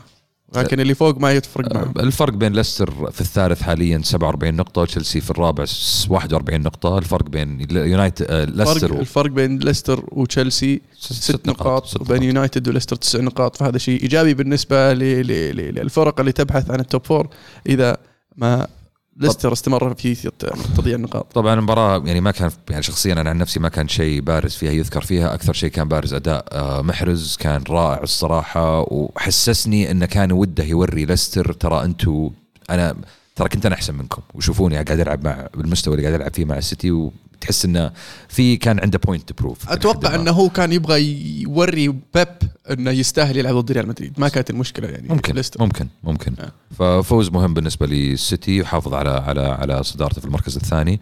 آه، المباراة الأخيرة اللي في البريمير ليج الموسم الجولة هذه هي مباراة أرسنال وإيفرتون. انتصر أرسنال على إيفرتون ثلاثة أهداف مقابل هدفين. مباراة حلوة. ممتعه إيش رأيك فيها؟ شيقة بصراحة. كانت آه، الأهداف من من الطرفين هجمه من هنا هجمه من هناك. آه، هدف في أول دقيقة لإيفرتون. آه، لكن أرسنال أرتيتا بشكل مختلف هذا ال- ال- ال- هذه السنة أتفق معك. 2020 آه، حتى الآن أنديفيتد على قولة أبو عابد. في في السنة الجديدة. آه، وقدر يعني يقترب آه، بالتدريج أكثر فأكثر إلى ال- ال top four وما زال ما زال أرسنال في المنافسة. أوباميانج في في في آه، رأس الرمح خلينا نقول في, بالنسبة لهجوم أرسنال. وأرتيتا يعني حتى طريقة لعب آه، أرسنال آه، صارت إيجابية أكثر آه، فيها فيها مخاطرة أكثر. وهو أرسنال اللي تعودنا عليه اللي اللي يحب يلعب اللعب الهجومي اللعب الجميل الممتع. ولما يصير عندك واحد زي أوباميانج قدام ووراه واحد زي أوزيل آه، يعني راح تلقى فرص كثير. لكن أكثر واحد يستاهل بصراحة آه، الذكر والإشادة اللي هو ساكا. ساكا فنان أكثر لاعب صنع أهداف لارسنال هذا الموسم. صنع 10 أهداف. فاجاني الرقم آه. والله. لاعب شاب صغير وكان هو أصلا جناح يسار لكنه قاعد يلعب ميكس قاعد يلعب ظهير. وقاعد يصنع أهداف. ومع ذلك قاعد يصنع أهداف فعلا. آه، فنان هل هل راح يثبت مكان ظهير يسار؟ ولا ممكن نشوفه يرجع جناح يسار لما تنحل مشكله الاصابات أنا أشوف إنه يعني اللاعب إلى حد ما الحين قاعد يثبت نفسه بطريقة إن أرتيتا لازم لازم يلعب مباراة ورا مباراة. طبعا في المباراة هذه كان بادي احتياط صارت في إصابة ل آه، وش اسمه الظهير من اليسار الأرسنال. كولاسيناتش صارت إصابة وصارت تبديل نزل سوكو وعرف إنه يصنع ساكا عرف إنه يصنع الهدف. فبالنسبة لي يعني من ناحية أرتيتا الشاب هذا إضافته كبيرة جدا في الملعب وصعب إنك ما تلعبه. حتى وضع أرسنال حاليا يعطيك دليل إنه دائما الجانب التكتيكي أو الجانب طريقة اللعب مو دائما كل شيء في في كرة القدم. يعني آه، نفسية لاعبين أرسنال تغيرت كثير بعد أرتيتا. آه، أوزيل يعني على وجه الخصوص كيف كيف كنا نسمع يعني تصريحاته وكيف كنا نسمع يعني بعض طريقة خروجه من الملعب لما يكون زعلان أو أو أو كان في حديث كثير على مستواه. الآن بعد أرتيتا آه تغير كثير آه آه بأوزيل آه يعني يعني كان حتى على مستوى التصريحات تصريحاته كانت كلها إيجابية والفريق الحين كان يعني يعطي رسائل إيجابية للفريق الفريق الآن قاعد يلعب كورة قاعدين نلعب قاعدين نحاول. آه فرحة اللاعبين وبعد المباراة وبعد الأهداف تعطيك دليل إنه فيه آه فيه روح أو فيه جانب نفسي انزرع فيهم في الفترة الماضية واللي قاعد يجني ثماره الفريق مباراة ورا مباراة الحين. حلو. آه ال- اليونايتد بس بقول اليونايتد فاز 3-0 آه، مباراتين متتاليتين فوزين متتاليين شباك. نظيفة في آه. الاثنين و أداء رائع صراحة. أصفق لكم. شكلها أول مرة الموسم علمه لا لا ثاني مرة. ثاني مرة؟ كلام كبير. طبعا بس للتذكير جدول الترتيب في إنجلترا ليفربول الصدارة 76 نقطة. فرق السيتي في الثاني على اليسار 10 نقاط. تشيلسي الرابع 44 نقطة. وبعدين بين تشيلسي وأرسنال سبع نقاط. في السبع نقاط هذه عندك يونايتد 41 توتنهام 40 شيفيلد 40 وولفرهامبتون 39 فالمنافسة قوية جدا لا زالت على المركز الرابع في إنجلترا. وننتظر المزيد من المتعة. من الهاشتاج خالد يقول سولشاير قاعد يسوي الشغل اللي كثير قبله ما قدر يسويه. تجديد الفريق دائما ما تكون فترتها صعبة بتاريخ كل مدرب. لو وصل للأبطال شخصيا أشوف أنه يستحق التجديد. لو. إن شاء الله إن شاء الله بي- بي- بيوصل ال top four وإن شاء الله يستحق التجديد إذا وصل ال top four لا لا مو بتجديد. ها. استمرار okay. already هو مجدد. اي هو عنده ثلاث سنين. عشان اجدد له عليه لازم يثبت لي إنه يستحق التجديد. انك تاهل أنت سويت ال objective بس الحين إذا فزت بالدوري الموسم الجاي جدد لك 10 سنين قدام.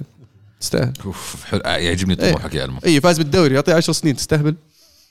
عزيزي يقول وش قصة الفار مع تشيلسي؟ إذا كانوا قاصدين فهي مصيبة وإذا كانوا يشوفونها لقطات عادية فهذه مصيبة أعظم. الحكام الإنجليز حتى بالفار كارثيين. أنا شوف في أه. مثل يقول لك آه، الدنيا دوارة. عساه يا المو عساه شفت شلون؟ أنا شوف أنا والله. لا، لا، فهمت فهمت غلط أنت. أنا أنا انها الحين قاعدة تدور. الحين رجعت هي رجعت إيه. الحين هي.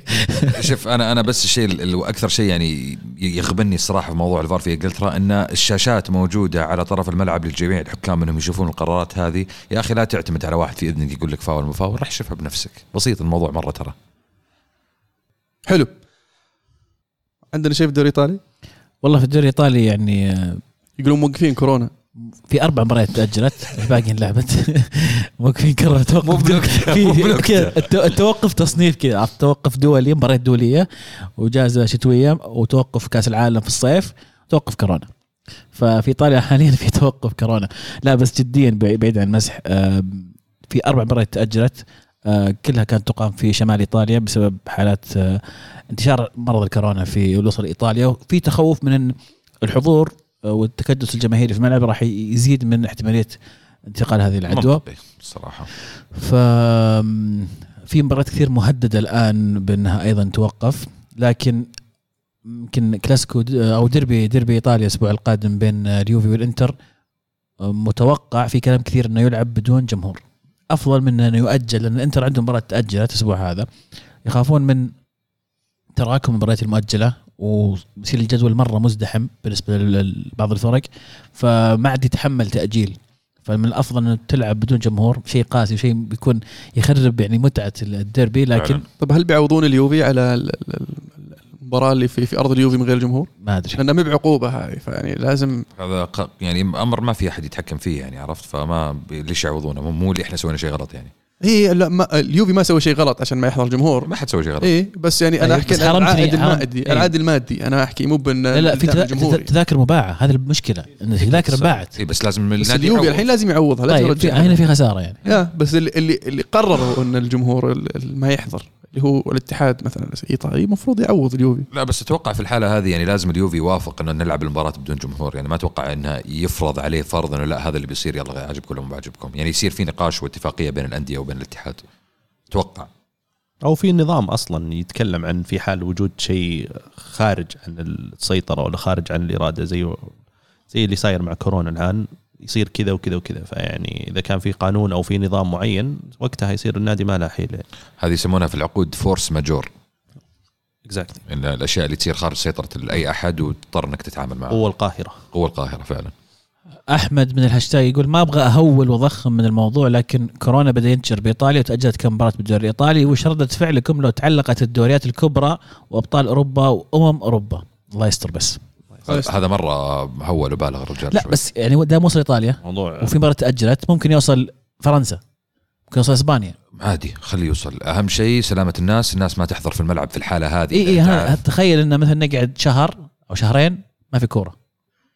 نتفرج كري... نتفرج كريكت عزيز عادي. كريكت يخاف يلعبون في أوروبا بعد. لا ما عليك كري- كريكت في الهند وفي الصين. واسوء واسوء طيب اسوء اسوء ما أتوقع يلعبون. لا صدق في بطولات كثيرة بس ما أدري يعني. أنا شايل هم ال Olympics بصراحة. وكنت متحمس ال Olympics هذا طوكيو ها؟ إي هذا هذا السنة هذا الصيف يعني. الله يستر الله يستر أما في المباريات اللي لعبت اللي ما تأجلت آه، اليوفي يفوز 2-1 خارج الديار على سبال. هدف من رونالدو اللي سجل المباراة ال 11 لها على التوالي. ثالث و- بطولة يسوي هذا ال record. وحاليا عادل باتيستوتا آه، وكوالياريلا. في السيريا. رقم قياسي. باقي له المباراة القادمة أمام الانتر يسجل فيها وينفرد برقم قياسي جديد في في إيطاليا. طبعا سواها مع ريال مدريد في الليغا وفي ال Champions League حاليا مع اليوفي في السيريا لاتسيو يستمر في ملاحقة اليوفي بالفوز 3-2 على جنوا. معليش بس تذكرت مع- معلومة كنت ناوي أقول لك إياها يا عبد الرحمن آه، في في يمكن نتكلم عن الدوري الإسباني. يقول لك آه، ريال مدريد وبرشلونه فرق بينهم 42 هدف. وال 42 هدف هذه من طلع رونالدو طبعا. ال 42 هدف هذه رونالدو مسجلها مع اليوفي. يعني لو في رونالدو كان يعني يعني السؤال مو مو بن لو في رونالدو السؤال إنه رونالدو ما تعوض. رونالدو ما يتعوض. رونا- رونالدو يجيب أهداف لكن آه، ريال مدريد ما جابوا أحد يسجل أهداف غيره. حتى لو جابوا ما يعوض. هي بس يعني معليش معليش إيه، انه إنه يصير الفرق ثابت يعني بر- برشلونة يتفوق على بعدد الأهداف هذا وعدد نفس رونالدو مسجل يعني لو جبت مثلا أوباميانج مثلا ولا ليفاندوفسكي كان ما صار الفرق 42 هدف أنا. جبت أنا راضي بيوفيتش بالحلال إحنا جبنا بس يوفيتش لعبوه. مثلاً، بس لا خلوه يلعب. إي والله. زين. حلو. آه لاتسيو يفوز 3-2 على جنوا خارج الديار. لاتسيو يستمر في في في. المستويات الطيبة. وطبعا آه، شو اسمه؟ إموبلي يستمر في التهديف. والحلو ما كانت 3 2 هي؟ ولا ال- الحلو انه انه قدروا يسجلون رغم انه يعني في أخطاء دفاعية أدت إلى إن ندخل فيهم هدفين آه، بس برضو قدروا يحافظون على آه، نظافه شباك لأن شوف آه، شوف سيميوني بعد المباراة عرفت اللي يحك جبهته اللي بغت تروح. بس فعلا استمر مستمرين في في الضغط على المتصدر. وفي مباراة ال- ال- الديربي الأسبوع الجاي ممكن تعيد الصدارة إلى لاتسيو وهذا شيء إيجابي أوه. ثقافة الفوز لما تصير عند الفريق آه، خلاص لأنه لاتسيو أصلا حتى كان ناقص يمكن اثنين من أهم عناصره آه، أو يمكن ثلاثة أو عودة كاتالدي بعد مهمة في هذا في هذا التوقيت. فالفريق يعني جالس يبهرنا على جميع ال- المستويات. الأصعدة. على الأصعدة. أخيرا وليس اخرا ميلان يتعادل مع فيورنتينا في في فيورنتينا طبعا. ملعب فيورنتينا بعد ما الفار. تقدم تغ... إيه طبعا في هدف ملغي هدف جميل صراحة لكن ألغي. تقدم آه، ميلان عن طريق ريبيتش اللي ما زال في فورمة التهديف وشيء مرة ممتاز للميلان انطرد دالبرت دقيقة 62 من فيورنتينا واستطاع فيورنتينا يرجع ب 10 لعيبة ويسجل التعادل. غريب نتيجه بصراحة. محبطة صراحة. آه، ميلان بس ال- الشيء الإيجابي إنه حتى الآن الميلان آه، ما بعد خسر. واحدة هذا. واحدة. لا في الدوري ما خسر في الدوري. من من الإنتر كانت. الإنتر آه الإنتر صح. الإنتر يعني ما تحسبها يعني. متوقع هذه عن الخسارة. ثلاث خسائر هذه. اي بس متوقع الخساره معليش أنا أستغرب عزيز لاعب زي كيزا بحكم إنك متابع. كيزا ليش ما هو قاعد يلعب فريق كبير إلى الآن؟ الصيف كان في كلام كثير إن آم، اليوفي واليوفي واليوفي. يوفي آه. الانتر بعد كان في كلام. انتر. okay. أتوقع مع جية الرئيس الجديد في الصيف آه كوميسو كان عنده أول أول ما وصل قال كيزا مو برايح اليوفي. هذا أول شيء جاء قاله. وقاعد يضخ أموال ريبيري وكذا عرفت؟ اللي قاعد يحاول يسوي الفريق زبطة. فيمكن أقنعه قدر يقنع إنه يقعد. لكن إذا استمر على المستويات الإيجابية أتوقع صعب صعب تدخلون فيورنتينا واصلا مو مصالحهم يخلونه خلاص بيعه وجيب مبلغ كبير وجيب لاعب ثاني بداله يلعب أساسي في اليوفي؟ لا. يلعب ما يلعب أساس لو راح اليوفي ما راح يلعب أساس مكان كوادرادو الحين هي اليمين؟ المشكلة أنت تسألني على اليوفي حق الشهر ذا الشهر اللي راح ولا اسالني اي أي يوفي الشهر. الجاي إيه. الآن كوادرادو قاعد يلعب الث... جناح. اي جناح قدام يعني جنب ديبالا اللي صار يلعب false nine أو تسعة وهمي إيه. ورونالدو على اليسار فصار كوادرادو قدام ودانيلو هو الظهير فممكن يلعب في الخانة هذه. إذا استمرت الخطة. إذا تغيرت الخطة عاد نرجع نشوف وش الخطة الجديدة حقت ساري. برنادسكي طيب وكوستا؟ رمزي. كوستا كوستا يجي يلعب مباراة وأربعة في ال- في العيادة. وبرناردسكي عنده أتوقع موهبة الغناء والعزف وال rock roll فانصحه إنه يعني يستثمر فيها أكثر شوي. ويبعد عني ها؟ إيه. لا بس كيس المفروض يروح فريق يعطيه الفرصة أكبر إنه يلعب مباريات أكثر. في وجهة نظري الفرق اللي ممكن يلعب معها أكثر آه، هي نابولي كبديل ل آه، آه، كيخون أو آه، في ال- الميلان كبديل لسوسو اللي راح لإشبيليا في في راح في الصيف ولا في جانوري؟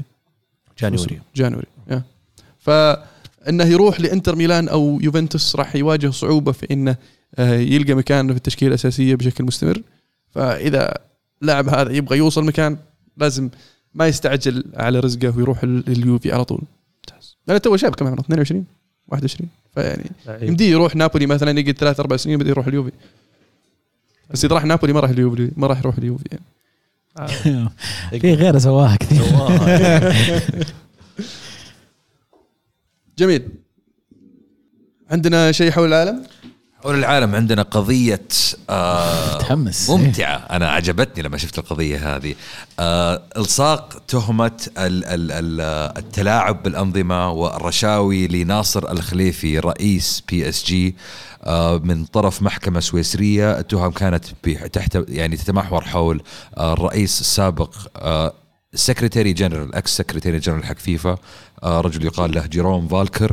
انه صار في رشاوي من طرف الخليفي للرجل هذا لمساعدة قطر آه، بالحصول على حقوق beIN أو لمساعدة beIN للحصول على حقوق تغطية ال- البطولات بطولات فيفا وبطولات اليويفا. الموضوع لسه جديد الموضوع لسه fresh. الموضوع يخص آه، رئيس PSG بشكل محدد. آه، أنا أسعدني الخبر لأن الصراحة أكثر مو أكثر من يعني مو مو من أي شيء لأن بس أنا أحس PSG ومان سيتي في استخفاف كبير جدا بأنظمة اليويفا وانظمه كرة القدم على آخر كم من سنة وأتمنى أني أشوفهم يتعاقبون على الشيء هذا، صحيح الموضوع هذا يختلف عن آه يعني الموضوع محوره مختلف تماما ولكن أتمنى أن القضية هذه تقدر تفتح بعض الصفحات المغلق عليها من ناحية تعاملات PSG مع يويفا في الفترة الماضية وتبرز الحقيقة. يعني هذه القضية على الرئيس. على الرئيس. PSG ما لهم دخل. صحيح. على الرئيس بشكل محدد أوكي. وبخصوص آه يعني الموضوع له دخل كبير في beIN وتغطية ال- البطولات ال- الدولية. طيب عندنا موضوع عندنا موضوعين زيادة أنا ببشرك في حول العالم. واحد عند آه، عبد الرحمن وواحد عندي. عاد جميل. عاد بنحطك تحت الأضواء فيبقى موضوع رابع دبر نفسك. ما عليك بلقى لك واحد. تفضل يا عبد الرحمن. عندنا السو... نهائي سوبر ال- المصري. بين ال- الأهلي والزمالك. المباراه اللي كانت يعني آه، غريبة ب... ب... آه، بجميع أحداثها. آه، طبعا فاز الزمالك بضربات الجزاء. نبارك للزمالك الفوز مبروك للزمالك. hard luck الاهلي ثاني ثاني ثاني كاس في خلال خمس أيام بعد فوزهم برضو بكاس نهائي السوبر الافريقي قدام الترجي. مبروك للزمالك مرة ثانية. hard luck الاهلي مرة ثانية. الترجي آه، هذا. hard luck الترجي. فالغريب في في هذه المباراة إنه للأسف الأحداث اللي صاحبت انتهاء المباراة. الوضع كان جدا يعني تنشن ومتوتر لدرجة إنه آه، بعد ما سجل الزمالك آه، آخر ضربة جزاء اللي هي ركلة جزاء الحسم حسم البطولة كانت كانت تلعب على مرمى اللي وراه جمهور الزمالك. اللاعب اللي سجل عبد الله جمعة اللي سجل الهدف الأخير آه، أو البلنتي الأخير للزمالك بعد ما سجل هدف وانحسمت البطولة راح يركض لين مدرج الأهلي. أديبيور. اديبايور أعطاها واحدة أديبايور. أعطاها اديبايور فمو هو بالحالة. شوية يوم شافوه لعيبة الزمالك قاموا يلاحقونه. كلهم راحوا فرحوا وقاموا يسوون حركات غريبة للجمهور. بعدين شوي دخلوا لعيبة الأهلي قاموا يركضون على لعيبة الزمالك وصار في اشتباك. بعدين مش الأفلام. أفلام والله. كهرباء وش سوى؟ آه، كهربا هو اللي آه، أول واحد راح لعيبة الزمالك بعد ما توجهوا الجمهور الأهلي. هو اللي راح وصار فيه يعني ضرب وتشوف رجول طايرة كذا و... و... إيه. كونغ فو. جدا. وحتى شيكابالا بعد ما شيكابالا اللاعب طبعا معروف إنه هو صاحب مشاكل آه، فبعد ما انتهت زحمة الطقاق هذه كمل هو كذا سحب نفسه شوي وكمل عند جمهور الأهلي وقاعد عاد يسوي حركات آه، غريبة عندهم حركات يعني آه، استفزازية. سيئة استفزازية سيئة للأسف يعني كانت. وكانوا يرجمونه وجت واحدة عليه واليوم قعد فيه كمل يسوي الحركات يعني الرجال صامد. بعدين عاد بدت وسط الملعب لعيبة الأهلي على لعيبة الزمالك على ما أعرف إيش. يعني صارت أحداث صراحة مؤسفة على مستوى المباراة لأن المباراة كانت كحدث كانت جدا جميلة وكانت في أبو ظبي والجمهور كان معبي الملعب وأحلى شيء في المباراة صراحة كان الجمهور وتفاعل الجمهور المصري في المباراة. لكن آه، الأحداث خربت هذه الأشياء وال- والعقوبات اللي أول مرة أنا صراحة أشوفها عقوبات صارت على الناديين غريبة كهرباء إيقاف نهاية الموسم مع لاعب آخر في لاعب أخذوا يمكن ثلاثة شهور وفي لاعب أخذوا ثلاث مباريات. فكانت صراحة يعني كان حدث آه، يعني انترستنج وغريب نوعا ما. حلو. عزيز. أنا من عندي أحب أقول لكم عن مباراة قمة ومباراة كبيرة جدا في الدوري التركي بين فنربخشة وقلات سراي مباراة آه، تعودنا أن دائما يعني آه، يكون فيها أحداث خرافية ورائعة سواء من جمهور من تيفو من آه، فليرز من يعني طراطيع في الملعب أجواء في الملعب ومنافسة. وسنة عن سنة قاعد نشوف نجوم أكثر وأكثر. المباراة انتهت طبعا بفوز قلات سراي ثلاثة واحد وكان في طردين في هذه المباراة لكل فريق. آه، مباراة صراحة كانت يعني ما. ما خيبت ظن أي واحد يبغى يشوف ديربي دوري تركي. أول مرة قالت سراي يفوز في ملعب فنربخشة من عام 1999 وطلعوا سليمين ما ماتوا. جميل. بطل وبصل؟ آه لا تصرف باقي واحدة وش؟ عندك. عندي أنا؟ إيه حول العالم. طيب حول العالم. ابى أقول لك سالفة آه، نيمار و PSG نيمار آه، أنطرد في المباراه الأخيرة. و... و... يا أخي مفلم يا أخي هل آه. من جد؟ اسمع اسمع السالفة. شفت؟ ف... فالكلام الحين قاعد يكثر إن إن نيمار ممكن في الأخير يعني إن الرجال واضح إنه قاعدة طلوع تبده من من من باريس ومن الدوري الفرنسي من الأحداث اللي صارت مع الحكام والسالفة اللي صارت مع الحين الجمهور آه، قاعد يشتكي من مبابي ونيمار وحاطين لائحة أن آه، ليش آه، فلان وفلان وفلان كويسين لكن مبابي ونيمار يخافون من الفوز. فحتى رد عليها مبابي قال شلون نخاف من الفوز؟ شلون نخاف من الفوز؟ ف الأحداث هذه اللي قاعدة تصير الحين ونيمار بدأ يستاء من الأجواء اللي قاعدة تصير وخاصة إن إذا فعلا طلعوا من ال Champions League هذا ال- ال- ال- الجولة دور 16 فراح يزيد الكلام ويكثر الكلام ان نيمار راح يروح برشلونة فعلا. وفي كلام كثير من البرشلونيين إن نيمار فعلا يبغى يروح برشلونة وإن برشلونة مهتم جدا. وكلنا نعرف قديش رغبة مبابي في إنه يلعب مع ريال مدريد. ومشكلته اللي صارت مع آه، توخل قبل فترة في لما بدله وما كان يبغى يطلع ومصر إنه يعطيه آه، سالفة في إذنه آه، في في نص الملعب. والاستياء اللي صار. والأشياء اللي قاعدة تصير هذه كلها علامات في إن إن PSG يبدو لي إن في آه، طريق إلى إلى النهاية خلينا نقول آه، مو بالنهاية الأبدية يعني طبعا نهاية المرحلة اللي هم فيها حاليا اللي المرحلة آه، نجوم مبابي. ونيمار وقبلها كان زلتان وكافاني والعيال فممكن نشوف هل ممكن نشوف انه راح يبدون مشروع جديد آه، يجيبون مدرب شاب ويحاولوا يبنون فريق زي الناس بدل ما يشترون آه، عناصر لأن مع إنه يعني أكاديميتهم من من أفضل ااكاديميات وشفنا لعيبة من من بين عناصرهم يعني آه، يلعبون في في في دوريات مختلفة عبوا الدوري الألماني وكثير شفناهم في الدوري الإنجليزي فمفروض انه يتم تغيير التوجه والاستراتيجي اللي يستخدمها باريس سان جيرمان لتقليل ال- المصروفيات وتقليل هذه الأشياء. الشيء الثاني اللي بذكر عن برضو باريس سان جيرمان آه تكلمنا عن عقود الرعاية حقت آه مانشستر سيتي و- وكيف إن ال FFP بدت إن الاتحاد الأوروبي ما يبغى العناصر ال- الملاك يضخون مبالغ آه، في النادي من من جيبهم الخاص معلش بس تصحيح أرمو إيه؟ هي ليست المسألة إنهم يضخون فلوس في النادي قد ما هي المسألة إن النادي تطلع عليه خسائر في نهاية السنة. إيه. تضخ فلوس تحطها ك ك ك ك debt ما عندي مشكلة. بس ما تنزل عليك في في ال accounting في ال books loss. لأن المثال اللي الحين صاير إن ليفربول أخذوا ظاهر آه، loan بقيمة أكثر من 100 مليون pound على أساس إنهم يجددون الملعب حقهم. فهذه ما تنحسب ضدهم في ال FFP بس إن لما تصير تحسب إن أنا الحين اللي قاعد أصرفه أكثر من اللي قاعد يدخل لي هنا المشكلة في الاف اف بي لا حتى مصدر الصرف من هي وين؟ هذا هي هذا مهم بالنسبة لهم أنك ما تجيب فلوس من جيبك وتحطها في النادي. عرفت؟ أنا لازم يصير ال- ال- الدخل اللي قاعد يجيك دخل رسمي. صحيح. عقد رعاية شو اسمه match day revenues whatever commercial عرفت commercial revenues اللي هو. شفت ف اللي ركزوا على السيتي فيه إن السيتي قاعد يجيب عقود رعاية مثلا من مضخمة. من آه، من آه، من شو اسمه شركات تملكها الحكومة اللي تملك النادي. شفت شلون؟ ف هم قلطوا عليهم سالفة التضخيم هذه.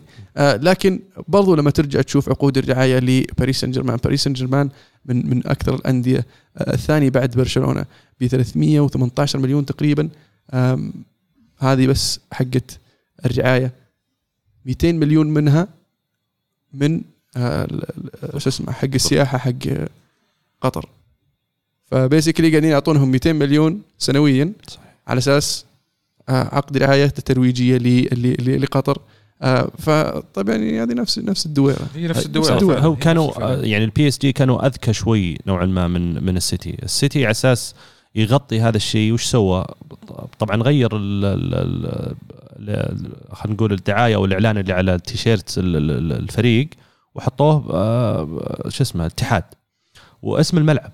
شروا ال rights حق ال naming حق الملعب. صار الحين الاتحاد stadium حلو السيتي ما سوى كذا السيتي ترى أتوقع العام ال- آه هذا sorry. PSG PSG العام أو قبل العام كانوا still Fly Emirates لا Emirates واسم الملعب آه، إلى الآن ما ما, ما, يعتبرون بارك دي برانس آه، مب مبيوعه حقوق. مب مبيوعه يعني ما شروا ال naming right حقت ملعب.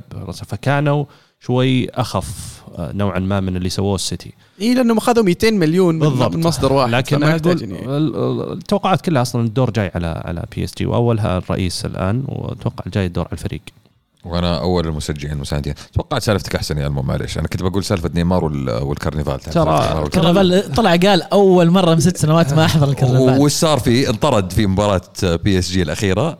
اللي كانوا فايزين فيها 4 3 طرق بي 90 ف- فرجع قال أوه لا والله ترى بحضر الكرنفال صار له ست سنين. قال بحضر. قال بحضر اي خلاص. مطرود عندي إيقاف. عشان كذا انطرد يعني. إي لأن يعني لا. كان سخيف إيه ترى. هو يقول لك إن عندي إيقاف الحين فخلاص عندي إيقاف يمديني أسوي اللي أبيه. فآخر ست سنين 2015 نفس الشيء صار له صار له طرد الظاهر كان مع برشلونة. 2016 نفس الشيء. 2017 قال والله عندي إصابة. 2018 قال عندي إصابة. ست سنين يا جماعة. وش والله بزوطة. ما تحسون بزوطه هلا. والله نسكب غرامه زي وجهه على كل طرد. ترى رومان ابراموفيتش هو من الناس اللي بدأوا الموضوع التضخمات والفلوس. التجار إيه. حو- حولنا موضوع وقت. خلص السالفة دي خلاص. بس تذكير نقطة حلوة. إيه. حلو بطل وبصل بطل وبصل بطل وبصل حلو. أنا أنا جاهز. نوصل نبدأ عندك عزيز. بطل الأسبوع بالنسبة لي ليون- ليونيل ميسي بأربع أهداف. رائعة آه، super hat-trick وأولها وآخرها وكلها جميلة صراحة. بصل الأسبوع بالنسبة لي الاتحاد الأسباني اللي سمح لبرشلونة بتعاقد اضطراري في نص الموسم فجأة في وقت غير انتقالات آه، راحوا أخذوا مهاجم آه، ليجانس صح؟ لقانس ليجانس. ليجانس اللي صار اللي يصارع على الهروب من الهبوط مركز 19 أخذوا المهاجم حقهم وتركوا ليجانس بدون فرصة إنهم يعوضون هذا اللاعب. وبدون موافقة أصلا ليجانس فأشوف انه قرار بخيس انظلم فيه ليجانس يعني اقلها أبسط حقوق. إذا بتسمح لبرشلونة يسوي عقد يسوي توقيع اضطراري اسمح لليجانس يسوي نفس الشيء. هو قال لك لا التوقيع الاضطراري لأنه مهاجم مصاب أكثر لفترة ست شهور. فالانظمه لوائح الدوري تسمح. طب يا أخي اللاعب النادي هذا أكل هوا الحين. فأتوقع المشكلة في في لوائح الاتحاد الإسباني. إيه، يعني. لا عشان هي- كذا البصرة للاتحاد الإسباني. اي معليش إذا تسمح لي. عزيز. هي طبعا في الاتحاد الأسباني وفي رابطة الليغا آه مختلفين رئيس الرؤساء مختلفين. فالنظام هذا في في آه، في رابطة الليغا الإسبانية. آه فالرئيس الاتحاد الأسباني صرح إنه ال- ال- النظام هذا مو موجود إلا في أسبانيا بس على مستوى العالم. وإنه إحنا بنراجع مع رابطة الليغا هذا القرار وبنحاول إنه نغير فيه على أساس يصير من من صالح الفريقين مو بس من صالح الفريق اللي صارت عنده إصابة وشرى لاعب حتى من صالح الفريق اللي باع اللاعب لأن ليجنس ما كان له كلمة لأنه برشلونة كسر عقد دفع كسر العقد وجابه. فهنا خسر لاعب ولا هو قادر أصلا حتى يعوضه يشتري لاعب ثاني. ففي كلام إنه ال- النظام هذا والقانون هذا ممكن يتعدل الموسم الجاي إن شاء الله. جميل. هدف الأسبوع هدف مارتيال آه، مانشستر يونايتد آه، هدف آه، سوني. هدف جميل. جميل جدا. ولدنا ولد والله فنان. through رائع الصراحة كان. ال through جميل بس اللي سواه بعدين هو كمان يعني. استهبال اي بس أنا يا أخي دائما poker face دائما زعلان. عادي. يا عادي وش عرفت؟ عرفت مرتين عادي. جول طبيعي. بالوتيلي why always me عرفت كذا. عاد عزيز انت اخذت البطل حقي ليون ميسي فأنا مضطر اني أعطي البطل للاعب المخضرم الديك الفرنسي اوليفيه جيرود. آه، أول مباراة يبدأها من فترة ثلاثة شهور ويسجل هدف مهم جدا أمام توتنهام. فعلا يا جيرود أنت بطل. آه، بصل الأسبوع بالنسبة لي هو الفار في إنجلترا وظلم الفار من ناحية طردين واضحين صريحين عيني عينك لتشيلسي في مباراتين مختلفتين. أفلام. هدف الأسبوع بالنسبة لي هو هدف اللاعب الشاب ايرلينج هالاند الثاني أمام PSG يا عيال أنا بس اخترت هدف الأسبوع لسبب واحد بس لاني سمعت صوت الشبك وينشق. آه، فقط لا غير. ما أتذكر آخر مرة سمعت صوت شبك ينشق في مباراة. طيب آه بالنسبة لي بطل الأسبوع أتلانتا. أتلانتا جاسبريني صراحة يعني آه، اللي خالف كل خلينا نقول التوقعات خصوصا على مستوى ال Champions League. وما زال منافس على الدوري ومع ذلك قدر يفوز على فالنسيا اللي عنده تمرس أكثر أو خبرة أكثر آه، اوروبيا آه، 4 1 ولا يلعب في ملعبه. ترى هذه ملاحظة يعني برضو مهمة. آه، أتلانتا أوكي يلعب في إيطاليا بس ما يعتبر يلعب في ملعبه لأن أتوقع أن ملعبه أصعب بكثير بكثير. يمكن لو كان لو لعبوا في ملعب هذه المباراة كان يمكن صارت ست صارت خمسة صدق. خمسة صدق. إي والله.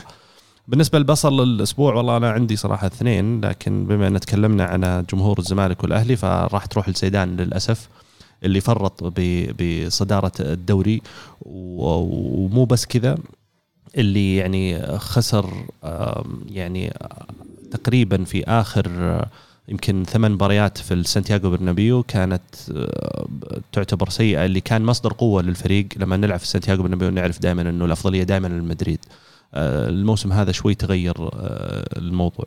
هدف الأسبوع بالنسبة لي روبن نيفيس لاعب ولفرهامبتون هدف ماركة خلينا نقول روبن نيفيس آه، شوته تقريبا من نص ملعب الخصم في في ال- في في الثمانيات جميل. بالنسبة لي بطل الأسبوع صراحة جوتا لاعب وولفرهامبتون اللي سجل هاتريك في ال Europa League ثم سجل هدفين في الدوري. هدف الأسبوع هدف رينجرز الأول هدف رائع أه، assist بالكعب وتسديدة زيدانية جميلة. بالنسبة لي أه، الأسبوع أه، بصراحة أنا قعدت أدور وأدور أه، بس يعني أه، الفار صراحة كان كان يفوز ببصل الأسبوع. مرة بصل صح؟ آه. أبسط شيء. فعلا. في الدوري الإنجليزي بالذات يعني. هذا هذا مصلحتكم بعد? هذا هي هي في مصلحتكم بعد. لا يعني لانها ما- مهب مهب بس آه، في مباراة اليونايتد. مباراة اليونايتد كانت واحدة اللي هي حقت آه، هاري ماجواير ومباراه آه، توتنهام تشيلسي كانت برضو حقت الحبيب لو سيلسو هاشتاج؟ هاشتاج الحلقة. هاشتاج. الهاشتاج عندنا البلانكو يقول يعطيكم العافية جميعا. سؤالي للسلوم في حال الخسارة والخروج من السيتي زائد الخساره في الكلاسيكو هل نعتبر موسم الريال سيء؟ وإلى متى الإصرار على بنزيما من زيدان؟ بعدين في سؤال العزيز يقول آه وش ينقص اليوفي تحقيق ال Champions؟ وهل صعوبة المنافسه في الدوري راح تاثر تبدأ ولا أبدأ عبد الرحمن؟ ينقص اليوفي التوفيق دعاء الوالدين. و... وشوية ال 10% حقت الحظ هذيك تربط معه. ومدرب زي الناس. وهذا صح. One more thing اللي هو صح. مدرب زي الناس. تأثير المنافسة على الدوري راح نشوف. السنة هذه يمكن أكثر سنة من الثمان سنوات الماضية اللي فيها منافسة في الدوري راح نشوف كيف ينعكس الموضوع على اليوفي في ال Champions League. آه طيب بالنسبة للموسم سيء؟ الخساره في الكلاسيكو تعتبر خروج من السيتي وخسارة في الكلاسيكو. موسم سيء؟ طبعا أكيد. أنت يعني بس ما بعد خسرت الدوري. أما أنت ما خسرت الدوري خ- خرجت من الكاس آه خرجت من ال Champions. خرجت من ال Champions عندك الدوري إذا فازوا برشلونة راح يكون فارق خمس نقاط فرقميا آه، بعيد شوي. بعيد. إلى متى إصرار من بنزيما على زيدان على بنزيما. زين، لا. تشكيل يبكي لك تكفى والله ما ما أدري. لين يعتزل ولا يجيه رباط ولا يجيه أي شيء يفكنا منه. إن شاء الله. يا أخي ما تقدرون والله إنكم ما تقدرون يا خذوا أنتوا خذوا. أقسم بالله إنكم ما تقدرون يا أخي أنا أنا يعني لاعب أنقهر من اللي يقول الله بنزيما عندكم. أنقهر آه، يعني آه، كيف بنزيما؟ يا أخي أعطونا جيرود وخذوا بنزيما وأنا تم تم تم تم يا عبد الرحمن؟ تم اليوم لاعب يدخل يحترق يع- يعض الثيل تحس إنه يبغى يسوي شيء وساكت ويعني ومحطوط احتياط من بداية الموسم ولا تكلم ولا كلمة ولا أثر على الفريق وكان بينتقل وعطلوا انتقاله ولا تكلم ومع ذلك ينزل في مباراة مهمة وقوية زي مانشستر يونايتد وسجل وألغي الهدف ونزل ضد توتنهام وسجل وكان ممكن يسجل هدف ثاني شكرا. أنا أبغى هذا الروح. عطني لاعب روحه ممتازة وعنده الرغبة إنه يسوي شيء وإمكانياته عادية ولا تعطيني لاعب فنان و و11 مباراة ما سجل هدف واحد. أعطيناكم لوكاكو راس براس. موافق والله. اي أي صراحة عليكم لوكاكو. جوميز يجي. طيب ديفلز يقول سؤال للكل. مين تشوفون أقوى وأضعف فريق حقق الأبطال من 2005 للآن؟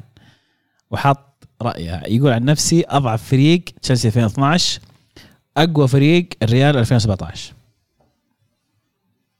من 2005 اصبر اصبر يبي لها تفكير دي شوي. طلع السجل ال- اقوى أنا أشوف أقوى فريق مو بريال أقوى فريق برشلونة. هل هو 15 ولا 11 ما أدري أتوقع 15 امسا حق- حقك. برشلونه برشلونة 2009 بالنسبة لي. 2009 2009 أو تدري- لا، لا، 2011 لا، واحدة مش منهم. المحزن. 2009 كم أو عام كم 2011 من عام كم من عام كان؟ 2005 أوكي المحزن ان اليوفي خسر نهائيا من 2005 واحد قدام برشلونة 2015 واحد قدام ريال 2017 صدق لا صدق الاضعف الأضعف ليفربول 2005 الفريق هذاك ما أتذكر إنه كان مميز بأي شكل من الأشكال الصراحة. 2005 ليفربول ما أتذكر إنه يتميز كان بشيء الصراحة الفريق. يعني أوكي صح ممكن تحيز إني ما أقول تشيلسي بس أنا بالنسبة لي تشيلسي إنك تفوز على بايرن في ملعبه معليش فأنت ضعيف. إي بس نهائي. بس برضو يعني و- اللي سواه اللي سواه إيه، ليفربول سوى اللي ليفربول في النهائي. 3 0 الشوط الأول راح قلبها في الشوط ثلاثة صحيح مو هذا نفس الشيء يعني أنت تاخذ إذا بتأخذها من ناحية بس النهائي آه، بس بس برضو يعني كفريق كفريق آه، تشيلسي 2012 أفضل من ليفربول 2005 هذا هو هذا العناصر أفضل يعني.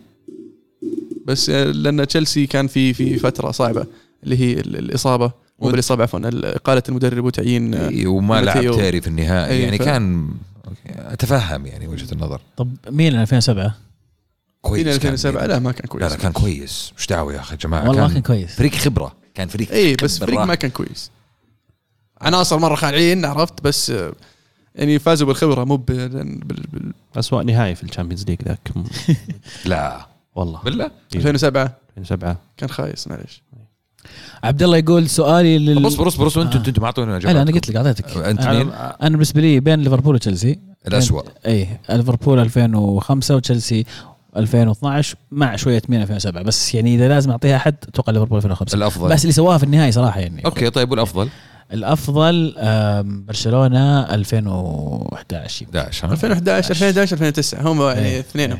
عبد الرحمن. أنا زيكم بالاسوء لكن بالأفضل بالنسبة لي زي ما قال مدريد 2017 نظرا لمجموعة مدريد في ال Champions League والفرق اللي طلعها دور 16 ودور إيه، 8 ممكن. ودور الأربعة يعني والنهائي سوى اللي سواه في. النهائي صراحة كان بايرن استثنائي باير آه، بايرن ميونخ وبايرن ميونخ آه، PSG واليوفي إنك أنت تفوز على يمكن ثلاث أو أربع فرق هي كانت مرشحة معك آه، في ال- في الفوز بالبطولة هذا يعني شيء طب حلو هذه هذه تخليني أسأل سؤال ثاني مين أفضل فريق في الفترة هذه ما فاز بال Champions؟ من وجهة نظري أنا اي في الفترة أنا هذه من أعتقد- 2005 أعتقد أن اليوفي. اليوفي. 2015 2015 أنا بالنسبة لي اليوفي. 2015 اليوفي. عندك آه، اليوفي 2000 و- بغض النظر عن المستوى في المباراة لكن ك ك ك كسيناريو كتأهل وكاصرار على انك توصل لنهاية ال Champions League 2007 2015 و2017. 2007 متى وين وصل؟ 2003 إيه. 2000 و- sorry وثلاثه لا، بس هذه قبل. اي قبل. لأن هذاك كان هذاك كان أقوى فريق. اي يعني إنك أنت تتأهل إلى اثنين Champions League أو ثلاثة Champions League ولا تفوز فيه يعني كان أنا أحس أتلتي 2014 ولا دورتموند 2013 يعني هذولك فريقين أنا شخصيا يعني المفروض إنهم يفوزون. خلاص وصلت يعني. أتلتي دقيقة 93 دورتموند خلاص. أنت في المحل الصحيح يعني. عزيز؟ اليوفي. اليوفي، ها. 2015 بالتحديد. طبعا ودنا نسأل ألمو السؤال هذا. يونايتد 2009 حق يا أخي إيش فيك؟ حق ابسط طيب سؤال من عبد الله لألمو يقول هل إيش فيك؟ معليش معليش معليش بس خلينا ندلع أنت عارف إن يونايتد هذاك الموسم إنه ما خسر ما خسر ولا مباراة من الموسم اللي قبله في ال Champions League؟ من الموسم اللي قبله. خسر في النهائي 2009 أسلم. يقول عبد الله هل تم حل جميع مشاكل يونايتد على المدى القصير بعد صفقة برونو ولا تحس انه كان المفروض نجيب صفقة زيادة بالشتوية؟ استبعدت قالوا لانها إعارة. يقول لك بطل الأسبوع آه، برونو هدف وأسيستين. بطل الأسبوع الفار في مباراة تشيلسي وتوتنهام هدف الأسبوع هدف أنثوني مارتيال. يكفي برونو. طبعا بداية رائعة لبرونو صراحة. فعلا. بالنسبة بالنسبة لبرونو يعني آه، صعبة إنك تجيب العناصر اللي تبغاهم كلهم في January. اليونايتد كان عنده نقص في الهجوم ونقص في صناعة اللعب. آه، فجاب صانع لعب بحكم ال- الخط الوسط يعني الإصابات اللي مر فيها آه، آه، ماتيتش ومكتومني سببت مشاكل في خط الوسط لكن ما كانت هي المشكلة الأساسية في مانشستر يونايتد. فعلا تحتاج عناصر إضافية لتدعيم الفريق لكن صعب إنك تجيبها في في January. برونو فرنانديز اللي ساعدك ان إن اللاعب يبغى يطلع يبغى يروح لل- لل Premier League و وكان اليونايتد قريب في الصيف. المشكلة إنهم ما قدروا يجيبونه في الصيف فاضطروا يدفعون عليه أكثر في في January لكن الأهم إنهم جابوه وفعلا قاعد يسوي الفارق حاليا. آه، في الفترة هذه أشوف إنه ممتاز.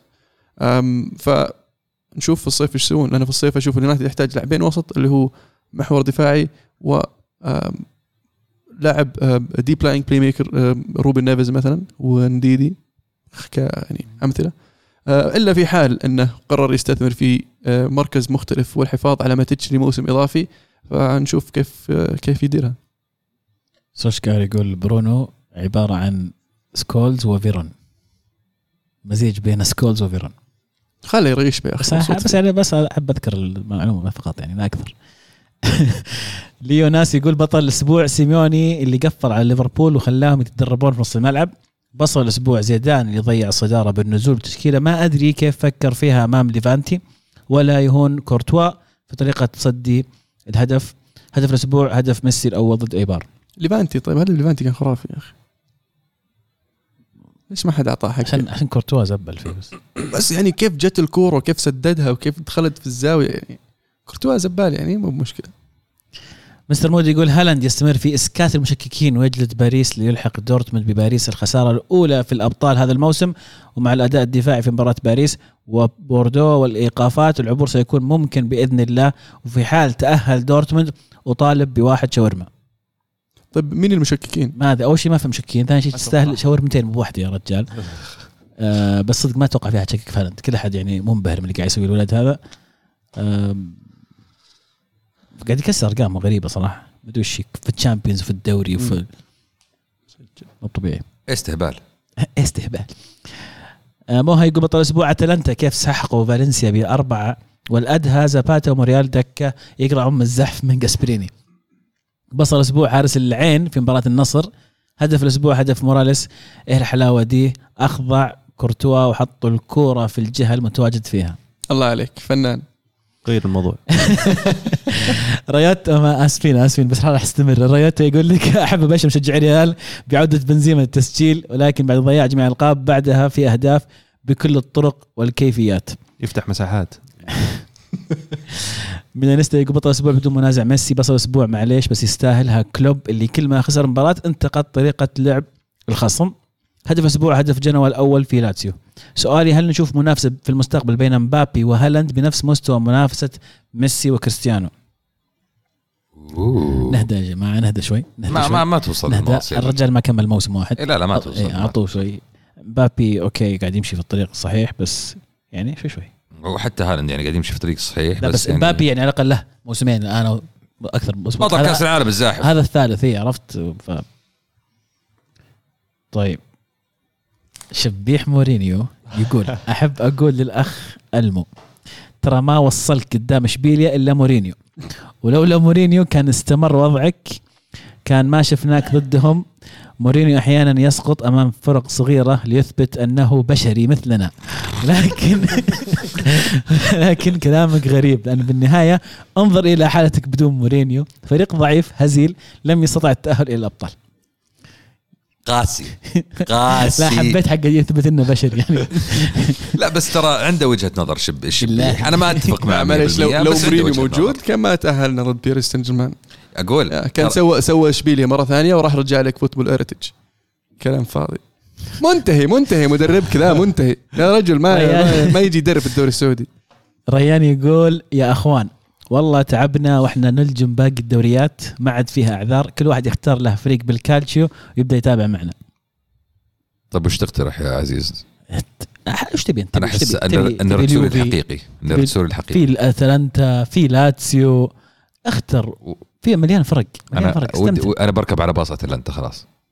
قاق هدف الأسبوع يقول لك هدف زاتان غصبا عن كالفاريزي ال- الحكم اللي الغاه آه مقتدي يقول في كل مرة أشوف جريزمان أتحسر على 120 مليون لاعب أقل من عادي يضيع فرص مستحيل راس حربة يضيعها. يا حبيبي بطل كأس العالم شلون أقل من عادي؟ بس ما تشوف مستوى برشلونه الان شوف 120 مبالغ فيه بس هذا السوق اللي أنت لا عايش يوم شروا ما حسيت إن هذا- هذه قيمته فعلا؟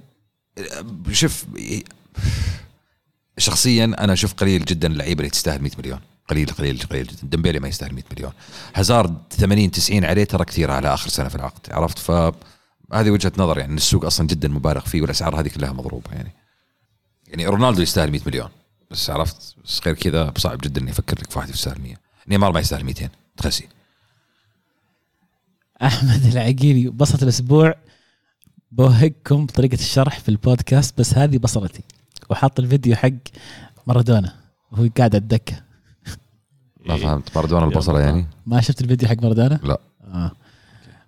مارادونا كان قاعد في الدكة. والله وهقتني يا أحمد. المهم و... واحد جاء اعطاه شيء وما حد يدري وش هو الشيء لأن يوم لا. جاء واحد يعطيه واحد ناظر ثم فز في. اثنين في اثنين قاموا. واحد يمين يسار يغطون على الكاميرا عشان ما يشوفون وش الشخص الثالث قاعد يعطي مارادونا في يده. فيعني بحكم يعني آه، مارادونا ومعرفته. ومعرفة الناس بمارادونا وسوابقه فبدت إشاعات وأفكار و... إحنا إحنا أفضل من ذلك أتوقع. إحنا ما نحب نحط في نيتنا على أحد إي آه، بس نشكك لك، أو كذا طلع طلع الظاهر تبرير. إنه إنه علاج. إيه. إي وجابوا مباراة ثانية شوف وكان من, يعطيه. من ناحية علاج أنا ما يعني ما لا شوفوا ما ما أنت والله وارد العلاج بس يمكن يمكن يمكن يمكن إنه ما يبغون الناس تدري انه مثلا تعبان يعني مبين من وجهه ما يحتاج يعني. وإنه قاعد ياخذ لأنه يحتاج علاج عشان يكمل إنه في نص المباراه لازم ياخذ علاج. هذا قصدي. دقيقة الفيديو ذا قديم ولا جديد؟ جديد. اي okay. أتوقع إني حطيته في group تويتر الظاهر أو أو إنستغرام. المفروض إنك شفته يا شمس المفروض. بس إنك تسلك. المفروض. كأنك داري يعني. يعطيكم العافية شكرا لكل من شاركنا على الهاشتاج. شاركونا الأسبوع القادم على هاشتاج الكورة underscore معنا. أعطونا أسئلتكم مشاركاتكم آرائكم بطل وبصل وأهدافكم. صراحة خياراتكم جميلة ترى أحيانا نغش منها يعني اعتراف. لكن مو بأحيان دايم. أنت شكلك ما تسوي ما تدرس زين أم، وأيضا شاركونا استمروا مشاركاتنا على ال- الرد على التغريدات. في كثير شاركونا توقعاتهم لدور دور ثمانية أو دور الابطال مين بيتأهل من دور 16 فشكل العدد الشاورما بيكثر. كل ما لا يزيد. وإذا عندكم طبعا. سيخ في الأخير بيصير سيخ شاورما. نزل لك صيخ واحد ونعزم الشباب كلهم. والعب شاورما. على حساب مين؟ هو يبقى الموضوع الاخير على حساب مين؟ على حساب عبد الرحمن. أنا أشوف المهم معك شك- شكلها. بعد أول جولة شكلها. جميل. آه بذلك نوصل لنهاية حلقتنا اليوم. إن شاء الله تكونوا استمتعتوا معنا. أحب أذكركم برضو تابعونا على آه وسائل التواصل الاجتماعي أو ال social media. Twitter SoundCloud iTunes آه اللي اللي تحب Instagram Snapchat. وإذا تبغى تسمعنا تقدر تلقانا على iTunes Podcast Apple Podcast Google Podcast انغامي وصلنا Spotify. Spotify فيعني أنت اكتب الكورة معنا وبتلقانا إن شاء الله.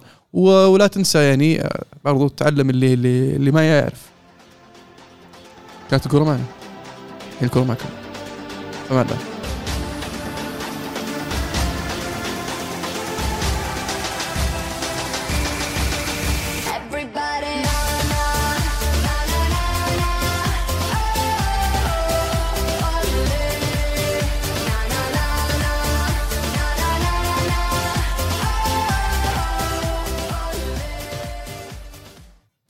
اد كات إيش رأيك في بوب حقتي ذا المرة عزيز؟ رائعه رائعه بوب بوب محترمه ذو مستوى يا عيال اسم الحلقة واضح.